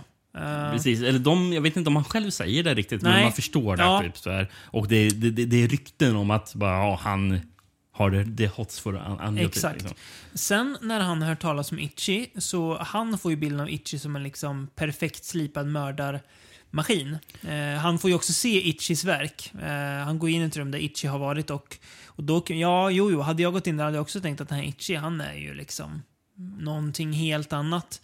Så han börjar ju liksom bygga upp en bild av Itchy som någon slags så här, han vill, jag, jag vill, liksom- jag vill liksom komma, kom, komma nära Itchy. Han börjar ju nästan inte bara eh, idolisera Itchy utan åtrå Itchy till och med. Precis. På håll. Alltså, man kan ju nästan säga att det blir som att eh, Ichi är yin till hans yang. Liksom. Ja. Att de, de, Japp. de, de ska vara Mm. ett. Eh, För, för det har jag hört eh, att pratas faktiskt om att filmen, eh, och jag tror att till och med i mangan att, eh, man hade, att de hade en tanke av att den handlar om eh, SOM. Ja, Alltså, alltså, alltså, Ja. Mm. alltså sadomasochism. Eh, och att, eh, för, för de säger ju i filmen att uh, Ichi är... eh, alltså vanligtvis har alla människor någon, båda delarna inom sig. Men Ichi är 100% sadist. just ja. Och grejen är att Kakihara i sig är 100% masochist. Japp, han älskar smärta. Precis. Och det, är- därför blir ju de andra för som- smärta också ju. Ja, Att han inte ser. Men precis. ja, Men, men att de liksom då... eh, På, på, så, så, eh, på samma sätt som Ichi är hans eh, yin till hans Ja, yang så, exakt. är, så är Ichi hans S till hans ja, M. precis. De kompletterar varandra utan att de vet om det e- e- e- egentligen. Precis. Mm, precis, men sen får han ju träffa Itchy i slutet där. Han blir lite besviken kanske. För Itchy är ju en... Han är en tönt. Ja, Han börjar grå, han står och gråter och säger förlåt. Mm. Eh, för Kakara vill ju, alltså, Kakara vill ju typ att Itchy ska döda honom. Eller typ, Ja, typ. Alltså, det, eller i alla fall försöka. Ja, precis. Det var Eh. den, ul, den ultimata liksom, smärta, alltså nivån av alltså, masochism på något vis. Att, att upp, uppleva det här. Och det är ju filmens eh, slutscen på ett tak. Mm. Ehm, det här är, alltså... Det här är väl kanske den i alla fall, när det här är en film som har lite väldigt stor betydelse för den här podcasten skulle jag säga. För att utan den här hade kanske inte den här podden funnits. Nej, faktiskt inte. Nej. När vi eh, lärde känna varandra pluggade vi en eh, individuellt valkurs på gymnasiet som hette rörlig bild. Va? Ja, Ja. jag tror det heter det. Där vi började snacka lite först, men sen gjorde vi, kul att vi gjorde det. Vi gjorde en eh, scenanalys av en scen, jag kommer inte ihåg vilken scen det är, men om det är slutet kanske. Från Itchy the Killer. När andra valde, ja, lite mer vanliga filmer kanske. Men vi valde Killer. Dödligt vapen kanske, som var vår Ja. lärares favoritfilm. Då. Oh ja, den och hundtricket. Men eh, vi fann ju varandra i Itchy the Killer och på den vägen var det sen. Eh, Ja. Lustigt nog, vi typ har vi sett Itchy the Killer ihop? Ja, det har vi nog gjort någon, någon gång. Men eh, det var länge sedan jag såg Itchy the Det Killer. var otroligt länge sedan jag såg Mm. den också faktiskt. Och jag Eh. gillade den då väldigt mycket och jag, den håller. Mm. Men den håller på ett annat sätt än vad jag trodde den skulle hålla. Jag, jag, jag var lite rädd att den skulle ha tappat lite det här som på något vis charmade mig när jag var 18-19. Mm. Att jag skulle tycka att den var lite fånig idag. Men jag ser andra saker i den idag än vad jag Precis. gjorde, gjorde då.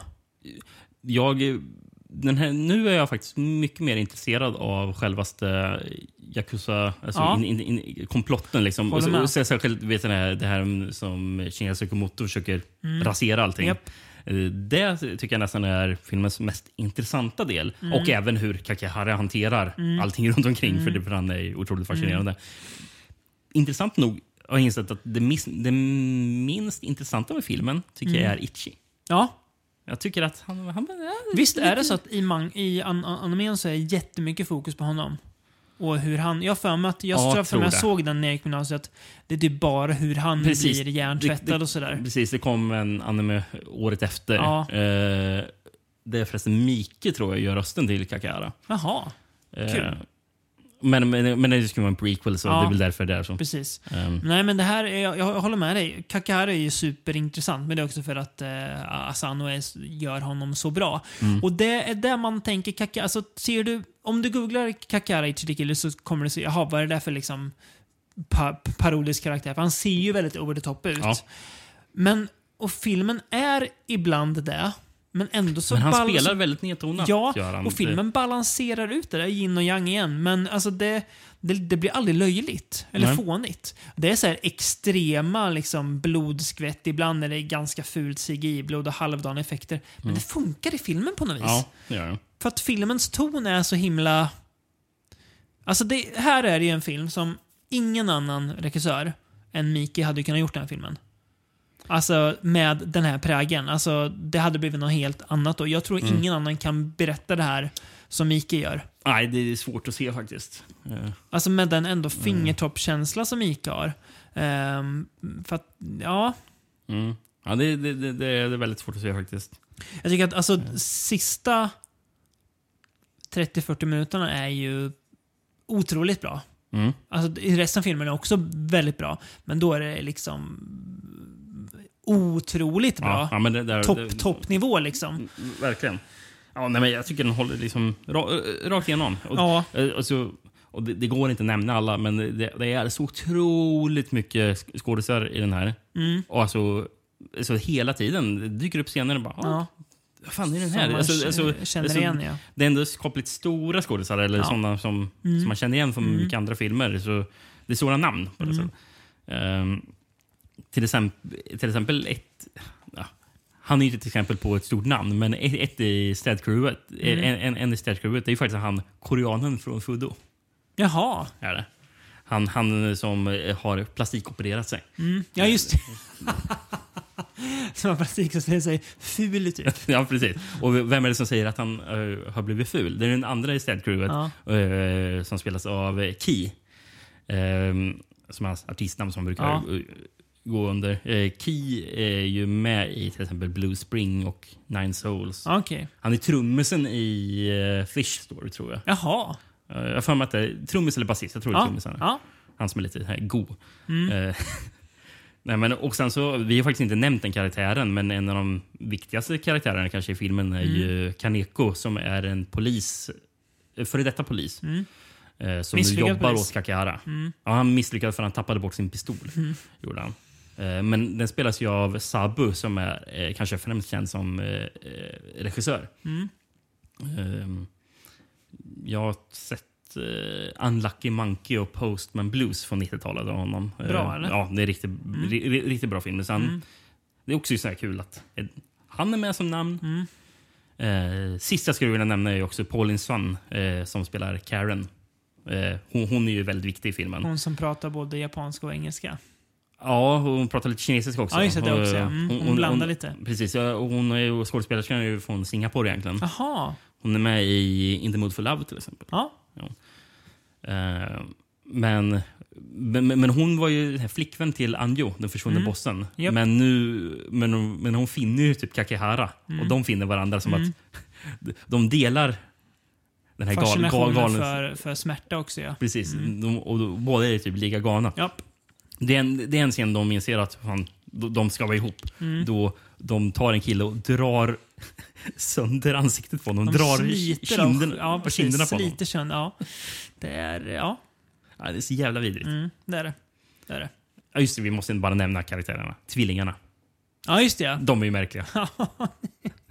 Som eh, it, eh, Kakar tar in i slutet för att hjälpa honom hitta Ichi och... Eh, Ja, då- precis. De ska först, först, först hitta eh, den här Long som spelar Soki. ja. Eh, f- först och främst han. De, de, de är ju två korrupta poliser, där, de vet, Japp. de, här, tvillingarna. Eh, och, och de får ju tag på Kis, eh, eller Longs eh, flickvän som de misshandlar. Eh, och sen så... Men hon, hon, hon vill inte avslöja vad han är. Och då, då kommer den ena polisen på. Ja, nu är det dags att ta, ta, ta, ta fram mitt trick. Tar han på sig ett par hundöron och sen börjar han sniffa. Mm. Och då och bara... Jag, jag, jag vet hur vi hittar honom. Va? Jävla konstigt. Jävla konstigt in, inslag. Men kul. Kul grej som man Ja. faktiskt eh, aldrig märker i filmen. Mhm. Eh, och det var först, jag tror det var först nu jag lärde mig. Att det, var, Mm. jag, det är inget jag minns att jag har hört tidigare i alla fall. Nej. Det är samma skådis som spelar båda tvillingarna. Eh, Suzuki Matsuo. De är aldrig med, jo, de är med i samma scen ibland. Men De det är med i eh, flera- nå- Det, effekt det, då. ja, de är i- alltså, kli, Mm. klipp där man får se båda. Eh, Det ser, det ser man inte att det är att det är digitalt fixat, eller liksom eh, en Nej, en precis. Och det är effekt. snyggt för, eh, för det är när man får, får se deras båda ansikten. Att Mm. en- ena står kanske på vänster sida av skärmen och andra står på höger sida av skärmen. Och Kakehara står vid den ena och sen går han över till den andra. Mm. Så det är lite så här bara imponerande. Hur fan har de gjort det där? Det, Mm. Ja, okej. Ja. Mm. ja, men eh, också otroligt bra film. Alltså, Ja. Den, ja, väldigt, väldigt bra. Och kul att den håller så bra också.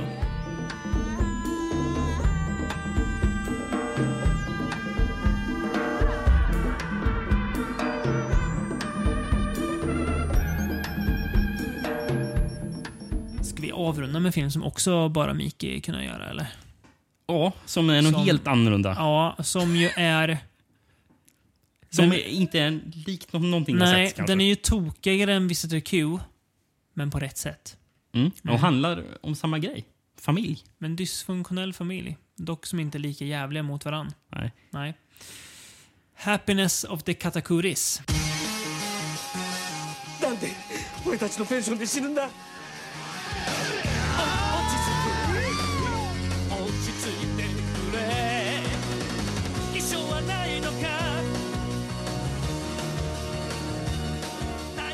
Precis. Eh, också då från 2001. Ja. Frankrike Eh. översätter det till Melodin av olycka. Ja. Är det den typ kanske tredje, andra, tredje musikalen vi pratar om i den här podden? Vilken musikal har vi pratat om innan? Jag tror jag har nämnt den där, eh, vad hette den? Slasher-musikalen som vi listade någon, som vi Oh. pra, pratade om. Den var rätt trälig var den. Du minns vilken jag menar? Ja, Ja. kanske. Ja. Det, oh, sen har vi ju kanske nämnt den här Anna and the Apocalypse också. I Jag tror inte vi har pratat om den. Nej. Eh, Nej, men ja, då är det... Men det, det är den första som vi pratar om ordentligt i alla fall. Mm. Eh, passande Eh, att det är en Mike-film. Tagline, The hills are alive with the sound of screaming. Så jävla bra tagline. Eh, Och från- om, omslaget är också fam familjen som glatt dansar över så här, så här kullar och så här, Precis, ja. det ska se ut som Sound of Music. Ja. ska, ska det göra. Liksom. ja. En finsk DVD översatte jag. Vilk, vad, jag måste bara, vad, vad heter bolaget som har gett ut den här videon? Det ska vi kolla. Mm. Future Film. Det Mm. står på finska. Så, ja. Ja. Men det är översatt till Familjen Katakuri börjar driva ett litet men respektabelt värdshus i den bergiga regionen. Familjeföretaget verkar ordentligt valt och bär frukt tills en av gästerna begår självmord. Av fruktan för att deras affärer kommer att misslyckas på grund av en dålig allmän image på grund av självmord kommer Katakuri att begrava dem i deras döda bakgård och hålla saken för sig själva. Men olyckliga dödsfall kommer upp om och om igen kommer bakgårdens bubbla snart att vara trångt. Ja, Ja, Ja. ändå rätt så begrip, Ja, lätt att begripa vad som... precis. Eh, ex- exakt, de, de begraver ju eh, de här märkliga dödsfallen som sker på deras hotell. Eh, och eh, det får ju vissa konsekvenser längre fram i filmen. Minst sagt. Ja, men... Eh, Det här är ju faktiskt en remake. Ja, Eh, på en eh, film, en koreansk film från Ja. 98. The Quiet Family. Som är gjord av eh, Kim Ji-won. mm, och en bra regissör ju. Stor. Verkligen. Mm. Och med bra skådisar i den filmen. För det är Song Kang-ho och Chong. Min-sik. Men det är ingen musikal, eller? Nej, nej. Nej. Det är så här, lågmält super svart komedi. Är det. Okej. För den har ändå lite humor. Är det var länge sedan jag såg den. Men zombies i den? Nej. Nej. Nej. Sen så såg jag att det finns faktiskt en Hongkong-filmatisering från 2003 också som Oj. heter A Mysterious Murder. Jaha. Man vet redan från början att den här filmen kommer vara något helt annorlunda. När den börjar med eh, eh, stop motion, sån här ler, eh, claymation. Mm. Jag, jag har försökt, beskriva vad, vad, som, vad som händer i den. Vill du höra? Ja, just det. Den där scenen, ja. Mm. Ja. Eh, en kvinna äter soppa på en restaurang och ett litet monster tittar upp ur soppan. Drar av en bit av hennes gom och flyger iväg. En korp äter upp monstret. Ett öga flyr, flyger ur in i en docka som vaknar till liv och dödar korpen. Ett flygblad med en bild på den döda korpen bildar ett ägg som en orm äter upp. En gam plockar upp ormen som sen ramlar på två fågelungar. Korpägget faller ner i backen och ur ägget kommer monstret från soppan. Fast nu kommer en ny korp och äter monstret igen. Flyger iväg med monstret mun i munnen. Skiter en gubbe i pannan som börjar brinna. Vilket blir en övergång då till live action. Och med gubben som är förbannad kastar ett vedträ på fågeln och skickar iväg sin hund för att hämta fågeln. Så börjar filmen. Japp. Ehm, och då får vi se att det är en liten flicka som sitter och gräver i trädgården. Ja. Och då får vi höra eh, i, en inre monolog som berättas då av hennes äldre jag. Ja, just det. Ja. Eh, eh, och, och, det, och det hon säger är typ så här. Omkring då börjar jag undra. Vad gör en familj lycklig? ja, verkligen. Och eh, när gubben med veträtt är ju då hennes eh, gammelmorfar. Där är det så. Precis. Ja, ja eh, Och, och, och, och, hon introducerar ju då eh, resten av familjen. För mm, hennes mamma och hennes farbror bor där också. Ja. Vid, vid det här värdshuset. ja. Eh, och sen så deras eh, två föräldrar. Mm. Eh, och den här, eh, hennes gammelmorfar är ju pappan i familjen, han, hans, hans far. Mm. far. Exakt. Ja. ja, jag vet liksom inte riktigt vart jag ska börja med den här filmen. Ehm, det är ju en eh, film som få andra, va? Ja. Musik, ska vi börja med musiknumren kanske? Eller prata lite om dem? Eh, de är Ja. ju Du får nog göra det. väldigt det, är- roliga. det är, Alltså, det är allt kul. Jätte, alla, Ja. alla, alla de sångnumren är ju jätteroliga. Framför allt det med han Ja, sjökaptenen. det är min favorit Det är också. så Jag skriver ner det. alltså, det är så jäkla... ja, det är så Men- dumt men så kul. Men ska jag försöka... Jag har faktiskt skrivit ner alla, alla låtar. Ja, Vad, vad, vad det är Ja, för någonting. yes. Så kanske till spelar upp en liten ja snutt det, från tycker varje jag, också. det tycker jag. Eh, sång nummer ett. Eh, det, det är att den första gästen kommer till, till värdshuset. Just det. Ehm, och han börjar sjunga en liten trudelutt på sitt rum. Det är egentligen bara det. Mm, ja. 心が流す涙も枯れて Sång nummer två, det är dagen efter. Mm. Eh, och då hittar, hittar ju familjen den här gästen död på rummet. Mm. Och det är då det ver- verkligen drar igång med sång och dans. Mm. Så, så fort de ser vad som, vad som har hänt, liksom, då börjar de omedelbart dansa Mm. och, och, och, och sen sjunga. Och det är otrolig koreografi. Mm. Alltså, alltså det är väl kanske bra koreografi egentligen med tanke på att... ja, eh, Men på något vis fast, är det det. fast det ser ju så dumt ut och Ja. det ser ju medvetet dumt ut. Japp. Det, är- det är väl det som är grejen.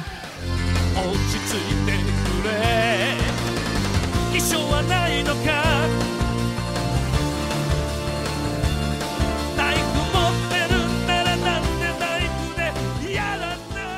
Och efter den där låten över så han pappan i familjen typ börjar skälla på liket. Så bara, Why did they have to do it in our guest house? Where's the will? Where's the bill you Where's the, where's the will you bastard? Och så börjar han leta i typ papperskorgen efter hans testament och hit, hittar inget. Och det är då de bestämmer sig för att mörka Japp. eh, allting. Eh, sång nummer tre sen. Det är en låt när de gräver ner liket. Mm. Jo, det är lite spadhugg synkroniserat med beat på mm. låten. Och. Mm.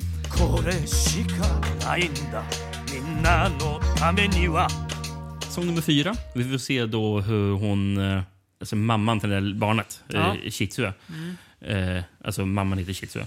Eh, hon vet inte vad som hände för hon var borta. Mm. Eh, och så hon, hon, hon, sång nummer fyra, hon sitter och sjunger en smäktande ballad. Gå in och.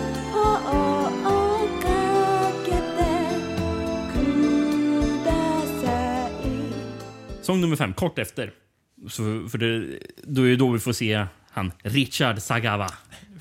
Den här conmannen som vi får reda, reda på att han är.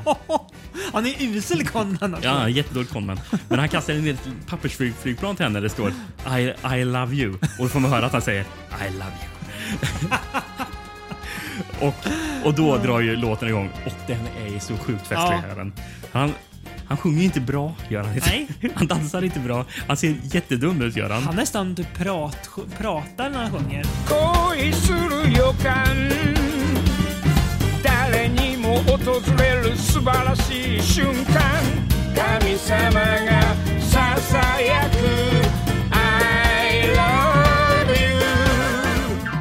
Ja. Precis. Uh, och ja, vi måste dra lite bara om honom innan jag går in på nästa ja. låt. För efter så, så pratar ju han med Kitsue och presenterar sig. Och han, han säger ju att han är Richard Sagawa. Som säger, han säger att han är från the US Navy.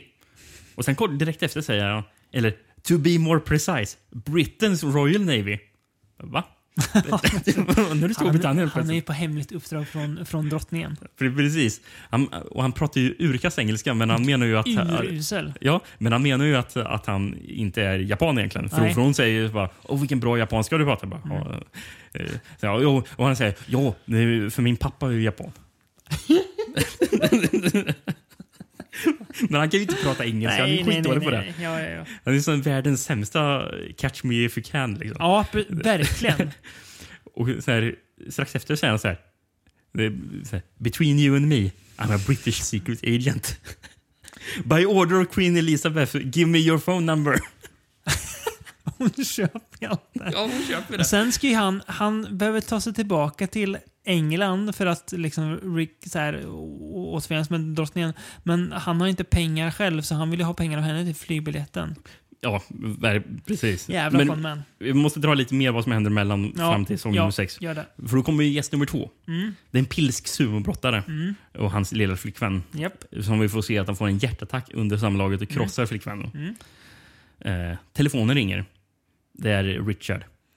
Han ringer flygande över Irak, säger han. Flyger han över Irak då? Nej, man får se, att- man får se att han sitter på sitt rum med en bandspelare och spelar Japp. upp ljudeffekter. och precis in, innan han ska- lägga på så bara ropar han I love you!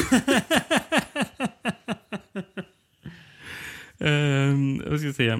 Sång nummer sex en upplyftande låt om att eh, det nog eh, trots allt är på väg till ett fint liv där ute vid värdshuset. Och det är efter de hittar de andra kropparna också.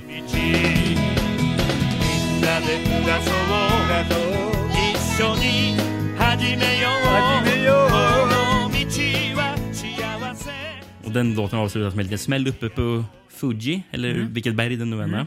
Eh, Ana lite oråd för vad som kan hända sen. Mm. Och då får man också reda på att det är en, en större väg ska byggas nära värdshuset. Det låter som en jackpot. Mer besökare. Problemet är att det är vägen ska byggas där kropparna ligger. Jobbigt. Sång nummer sju. Smäktande ballad mellan make och fru i familjen. Med karaoke under texter som man kan sjunga med. Japp. Om man vill.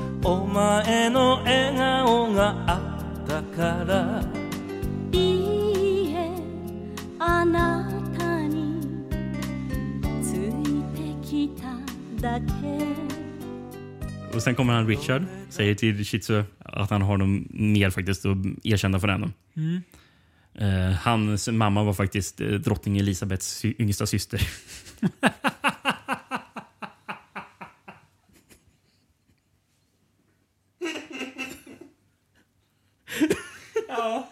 Så- Jo. Och så säger han någonting. Han bara ropar ut här. Han ropar upp någonting, ut någonting om att Diana! Om jag än bara var det där. Hon brukar ofta ringa mig för råd. Det är så kom... Ja. Så- Är, är den karaktären med i Quiet Family? Det minns jag inte. Nej. Jag tror inte det. Nej, känns inte som det. Ja, det vad jag minns är de otroligt olika varandra. Ja, alltså, det ja. även i handling. Det är bara att de har det värdshuset. Ja, något sätt. Eh, sång nummer åtta. Nu sjunger Richard om hur han ska måla ett porträtt av Shitsu. Eh, och sen så säger han, jag tror han, han säger inte, han sjunger den med låten om att han vill ha pengar till en flygbiljett till England. Så att han sen kommer komma tillbaka rik. Yep.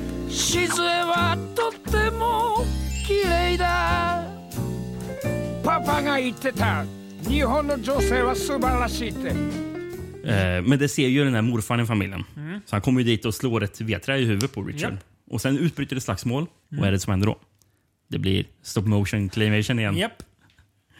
Förmodligen för att ja, ju, slipper vi ju att hålla på med farliga och dyra stunts. Liksom. Yes. Och vi får se att Richard faller ner död till floden. Ja. Sång nummer nio. Jordskalv från vulkanen exponerar alla lik som grävt ner. Och familjen sjunger en upplyftande låt om att röra sig framåt och inte blicka tillbaka. Liken vaknar då och då till, till dansande zombies. Japp.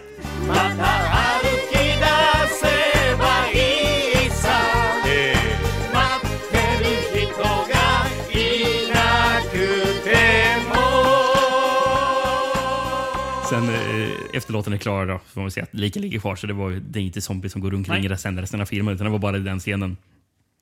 Ehm, och en man som kommer att ramla ner i en nygrävd grop också. Vem som spelar den mannen? Pappan i Visit Q. Jaha. Mm. Är det. Sång nummer 10. Nu kommer polisen. Farfarn, pappan och sonen sjunger om att offra sig och ta på sig, sig, sig skulden. Men vi får ju reda på att det är mannen från gropen som polisen är ute efter för han är en mördare. Så de jagar. Just det. わしが行こう何言ってんのわ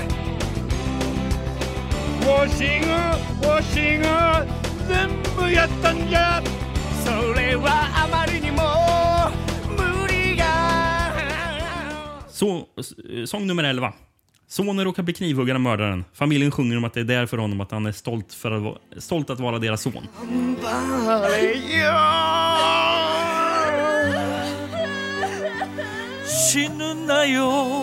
Efter sången visar det sig att det är en liten obetydlig skråma, så han klarar sig helt oskadd. Eh, sen är det stop, vulkanutbrott, stop motion. Japp. Man får se hur familjen blir lerfigurer som Japp. lyfter upp huset. Ja. Och eh, pappan ger sig iväg för att rädda hunden Pucci från lavan också. Japp. Eh, sen är de tillbaka som sig själva efter att det här kaoset är över. Och var är de någonstans då? Var är de någonstans då? Ja, det är så dum den där sista scenen.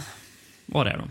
Ja, jag, jag, jag vet inte riktigt hur jag ska svara på den frågan, men de, är ju, de har ju anlänt till en ny, en ny plats. Det ser ut som att det ska vara typ Alperna va? Ja, typ. För det ser ut som att de Ja. är verkligen Sound of Music. Men också någonstans, nästan så här Edens lustegård för att... Det är elefanter och giraffer också.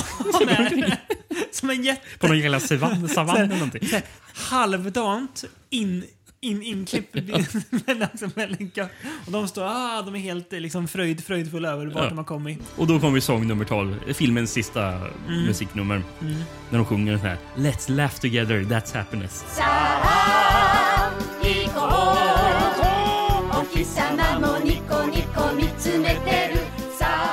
Och eh, filmen avrundas med eh, den här barnets inre monolog igen som vuxen. Mm. Eh, farfar åker upp till himlen och familjen skriker Yeah! det är det sista man får se i filmen. Ja, det är så mycket, ja. Men jag, det här är något som jag aldrig ref- reflekterat över tidigare. Men att man får höra eh, hennes inre monolog i början av filmen och sen i slutet. Och att det är en vuxen. Undrar om det är hon som pratar som tittar tillbaka på hur hon såg allt det där som barn. Ja, Att det är tänker därför- att det är hennes minnen bara. Precis, och det är därför filmen är allt det här. Liksom. Ah, det är hennes smart. minne som... Jag undrar om det kan vara där, därför. Eller en, en del av förklaringen. Och därav att det är massa stop motion och också att det är massa Och så här ljud mus, mus, mus, musikalnummer. Ja, exakt. Ja. Jag vet, inte- ja, jag vet inte. Varför Det- inte? Just det, och att de då pratar med hennes mamma eh, och hennes törst efter kärlek också. och Sådär. Mm. Ja. ja, det är ingen dum tolkning. Jag har inte tänkt, men nu när du säger det så här, ja absolut. Varför inte? Ja, det här är ju... Det här Det är krävs... en alltså, häpnadsväckande film. ja, en film som inte är för alla. heller. Nej. Ehm, jag tycker att det kan, den kanske är lite för lång, Mm. men jag har också oftast väldigt kul. Ja. Så jag ska inte klaga så mycket heller. Jag, den, den är kul, men den är oerhört dum. Mm. Men, Men kul. Alltså, men, precis, men grejen är att den blir aldrig liksom...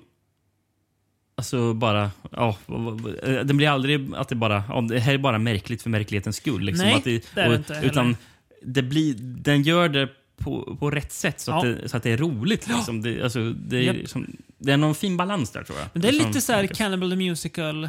Ja, Alltså, så här, den har vi pratat om musikal vi har pratat om. ja. The sky is blue and all the leaves are green. The sun's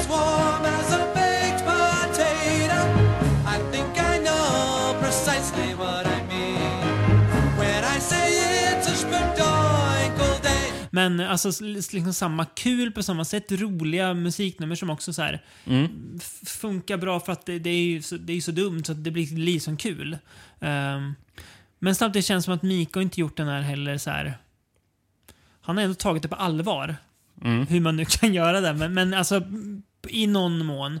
Han har inte gjort det liksom som, som, som ett skämt eller som något så här halvdant utan han har verkligen... ja. Ja.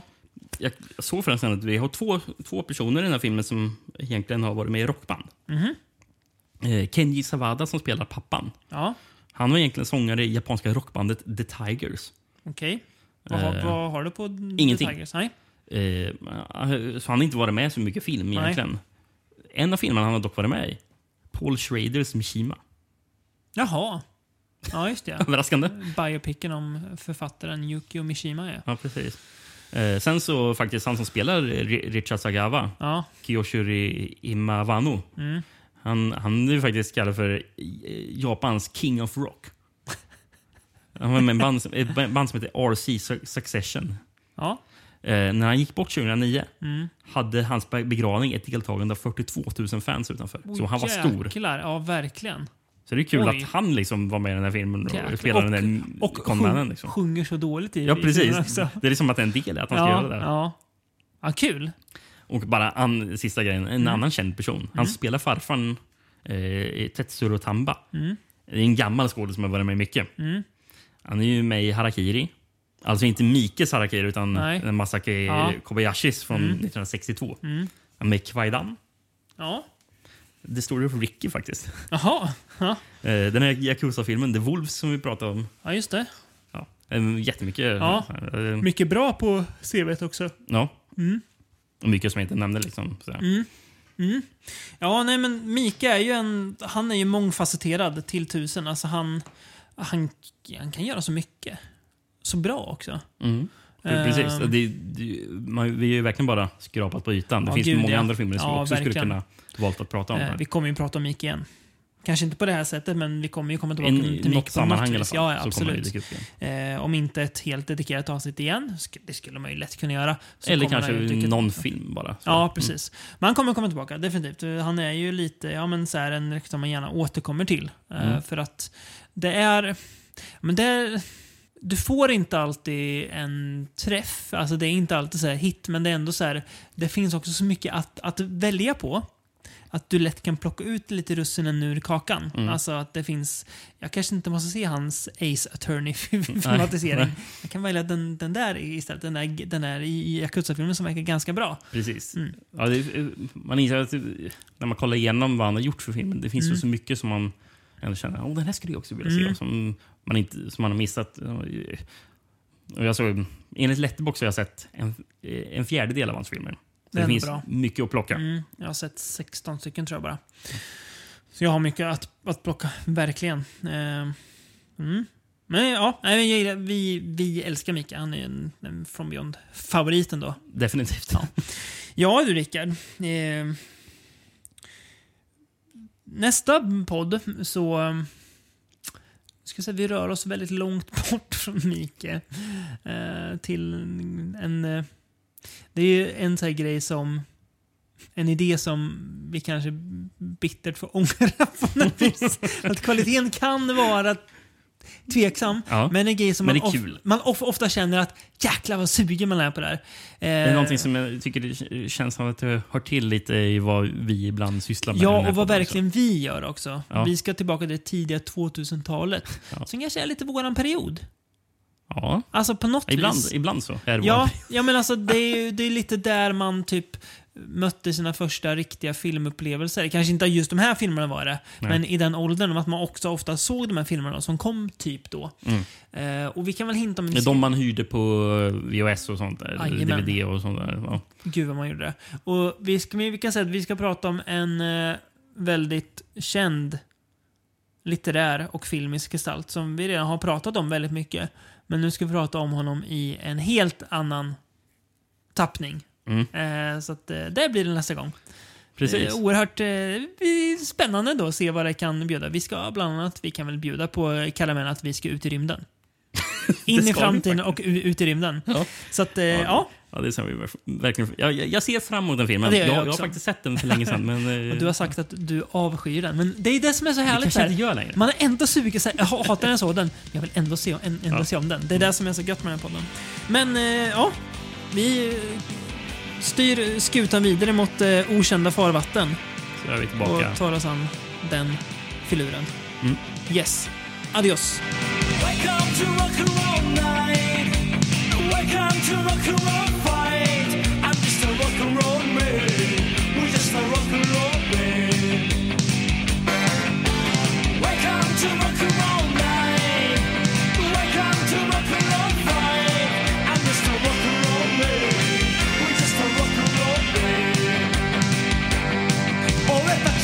ちは道なりに